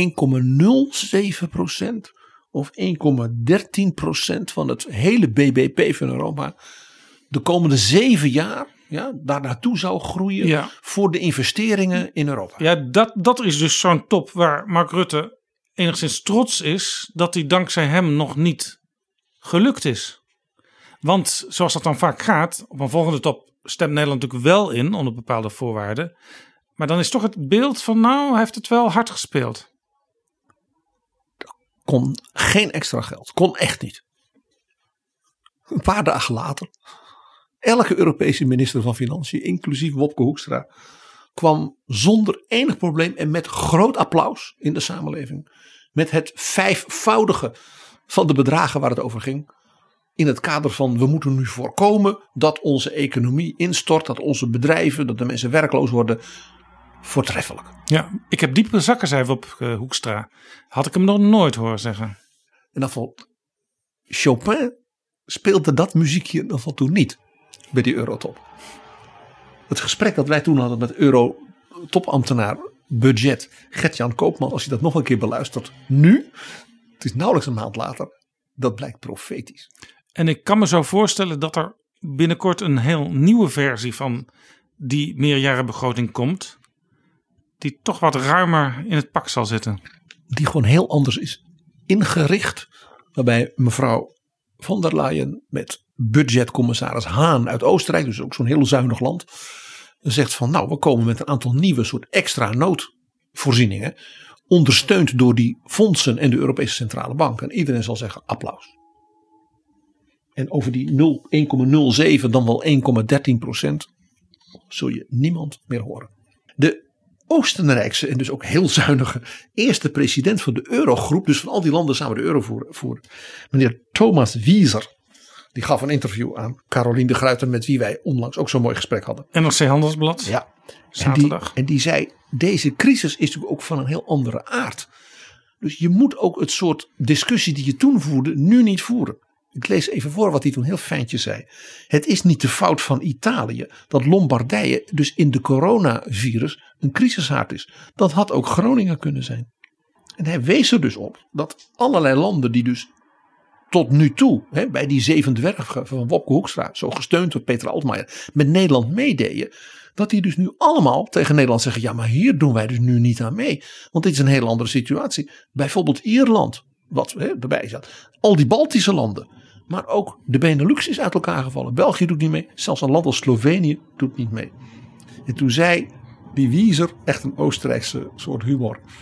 Ja, die Nederland merkt nu dat de Alpen zijn noordwaarts geschoven. geschoven. Ze liggen net zuidelijk van Rotterdam. Mooi gezegd door Thomas Wieser. En je zag dus dat toen Nederland zich zo strak opstelde. Dat toen ineens een heleboel anderen in Europa dachten: dit is een mooi moment. Wij kunnen nu met een mattenklopper die Hoekstra een map geven.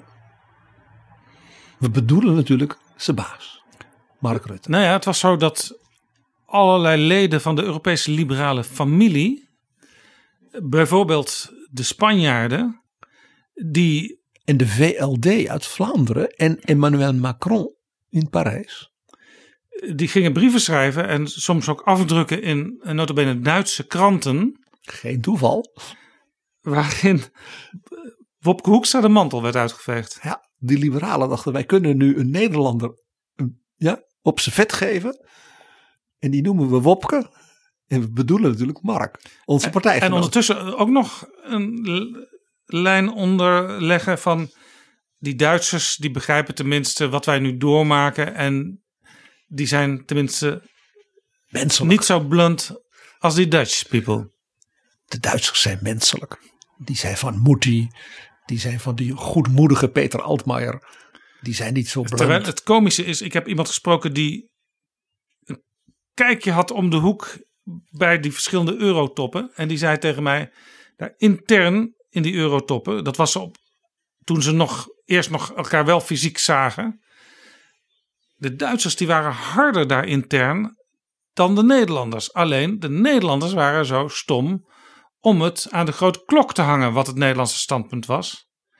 En de Duitsers natuurlijk keihard vechten binnen. Maar uiteindelijk weten ze, er moet een voor iedereen enigszins acceptabel compromis uitrollen. En dus kwam het de zuidelijke landen en de liberalen in Europa dus erg goed uit. Dat ze met die mattenklopper op die hele lange eh, ja, Wopke Hoekstra af kon te gaan. Je- Dus waar je ook slaat, het is altijd raak hè, met zo'n grote vent. Dat is een groot voordeel. Ja.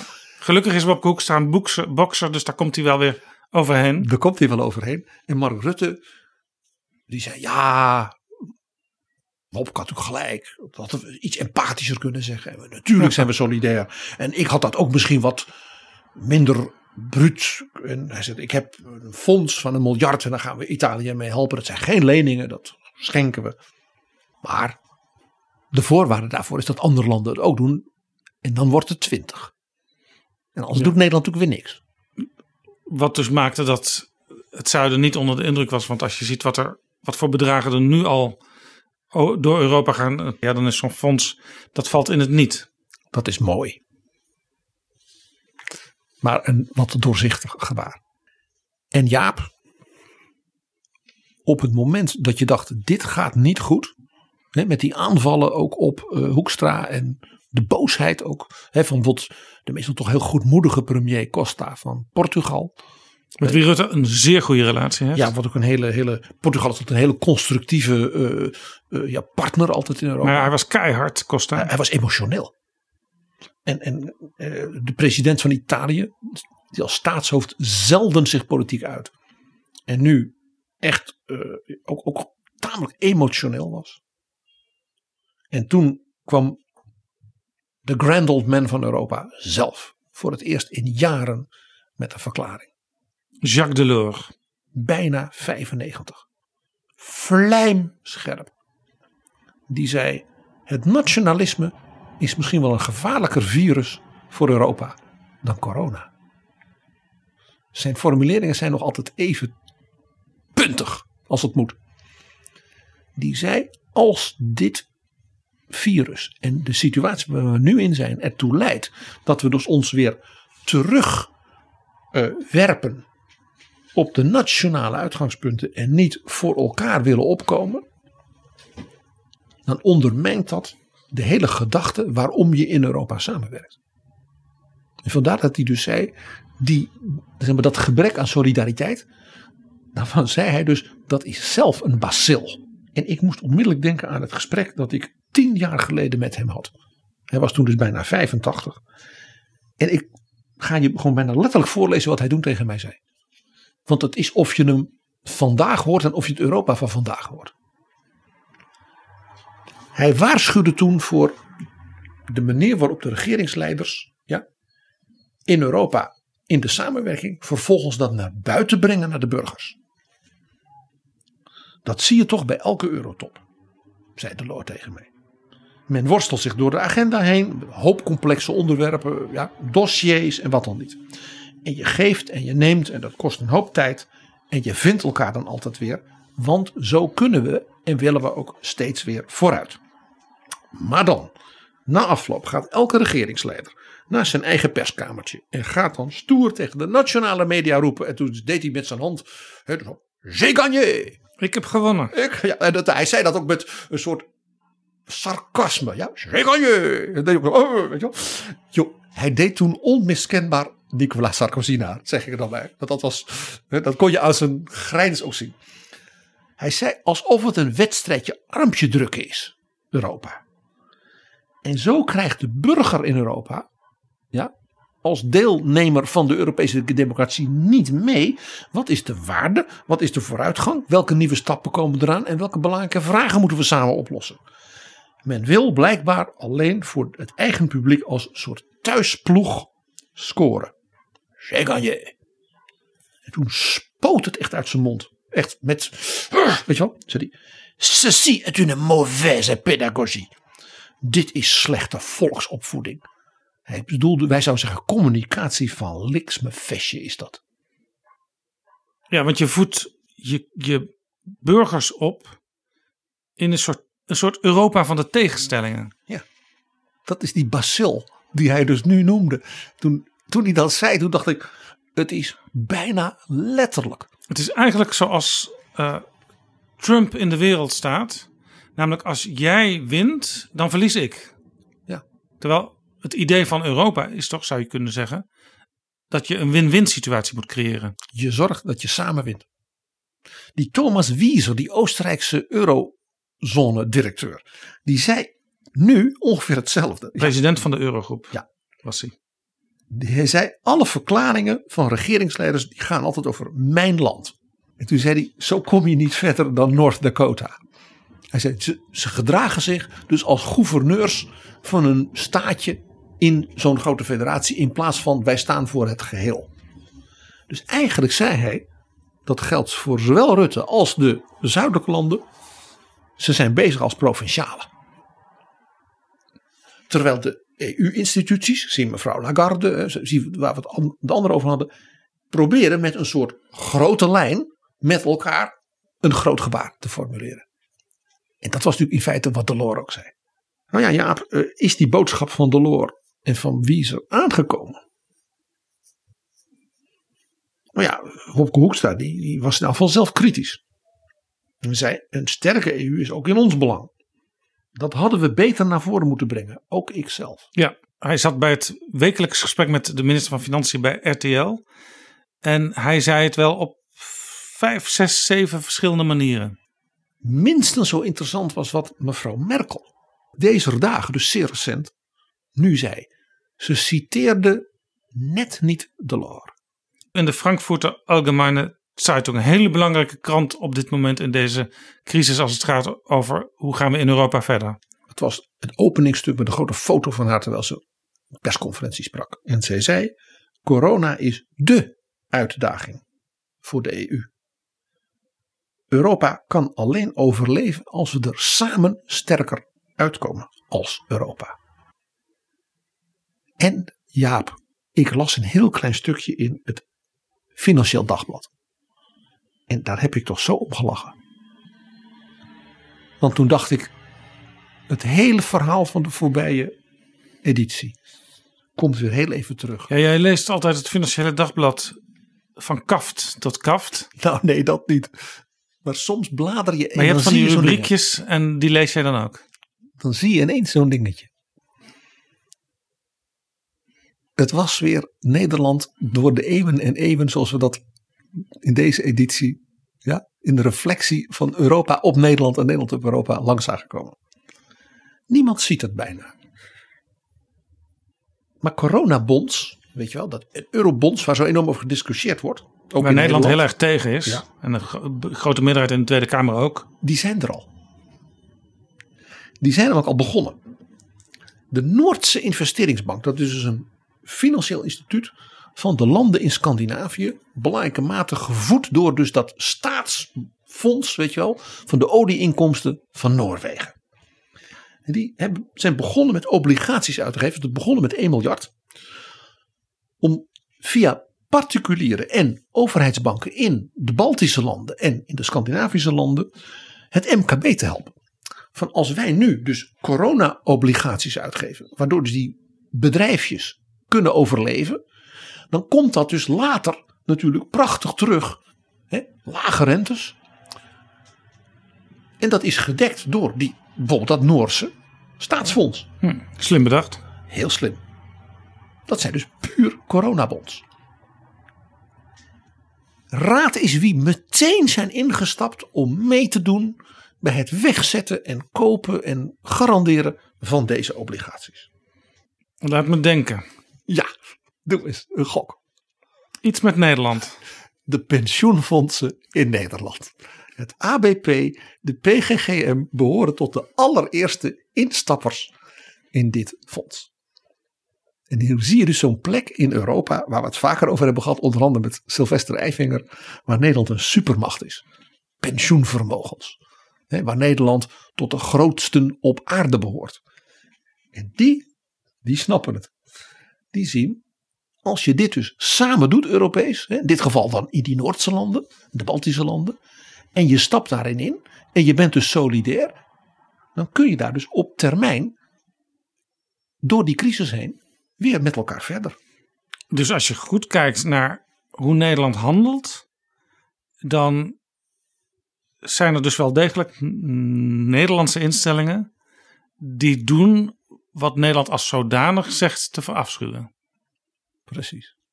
En dat dubbele, wat we dus in, nou ik zou bijna zeggen in eeuw na eeuw, in situatie na situatie ja, tegenkwamen. Ik zag hem hier weer.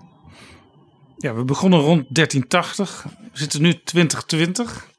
En het verhaal is nog niet afgelopen. Het verhaal gaat door. En er komt vast weer een betrouwbare bronnen. Misschien ook een mooi rond getal. Aflevering 200, 300, 400. Waarin we weer een nieuw hoofdstuk aan dit verhaal over de relatie van Nederland met de rest van Europa kunnen toevoegen. En dan hoop ik dat Jacques Delors, die zeer binnenkort 95 wordt, dan zal mogen zeggen: We hebben een goede les geleerd. Die mauvaise pédagogie is ingeruild voor une pédagogie excellente de l'Europe. Merci bien, PG.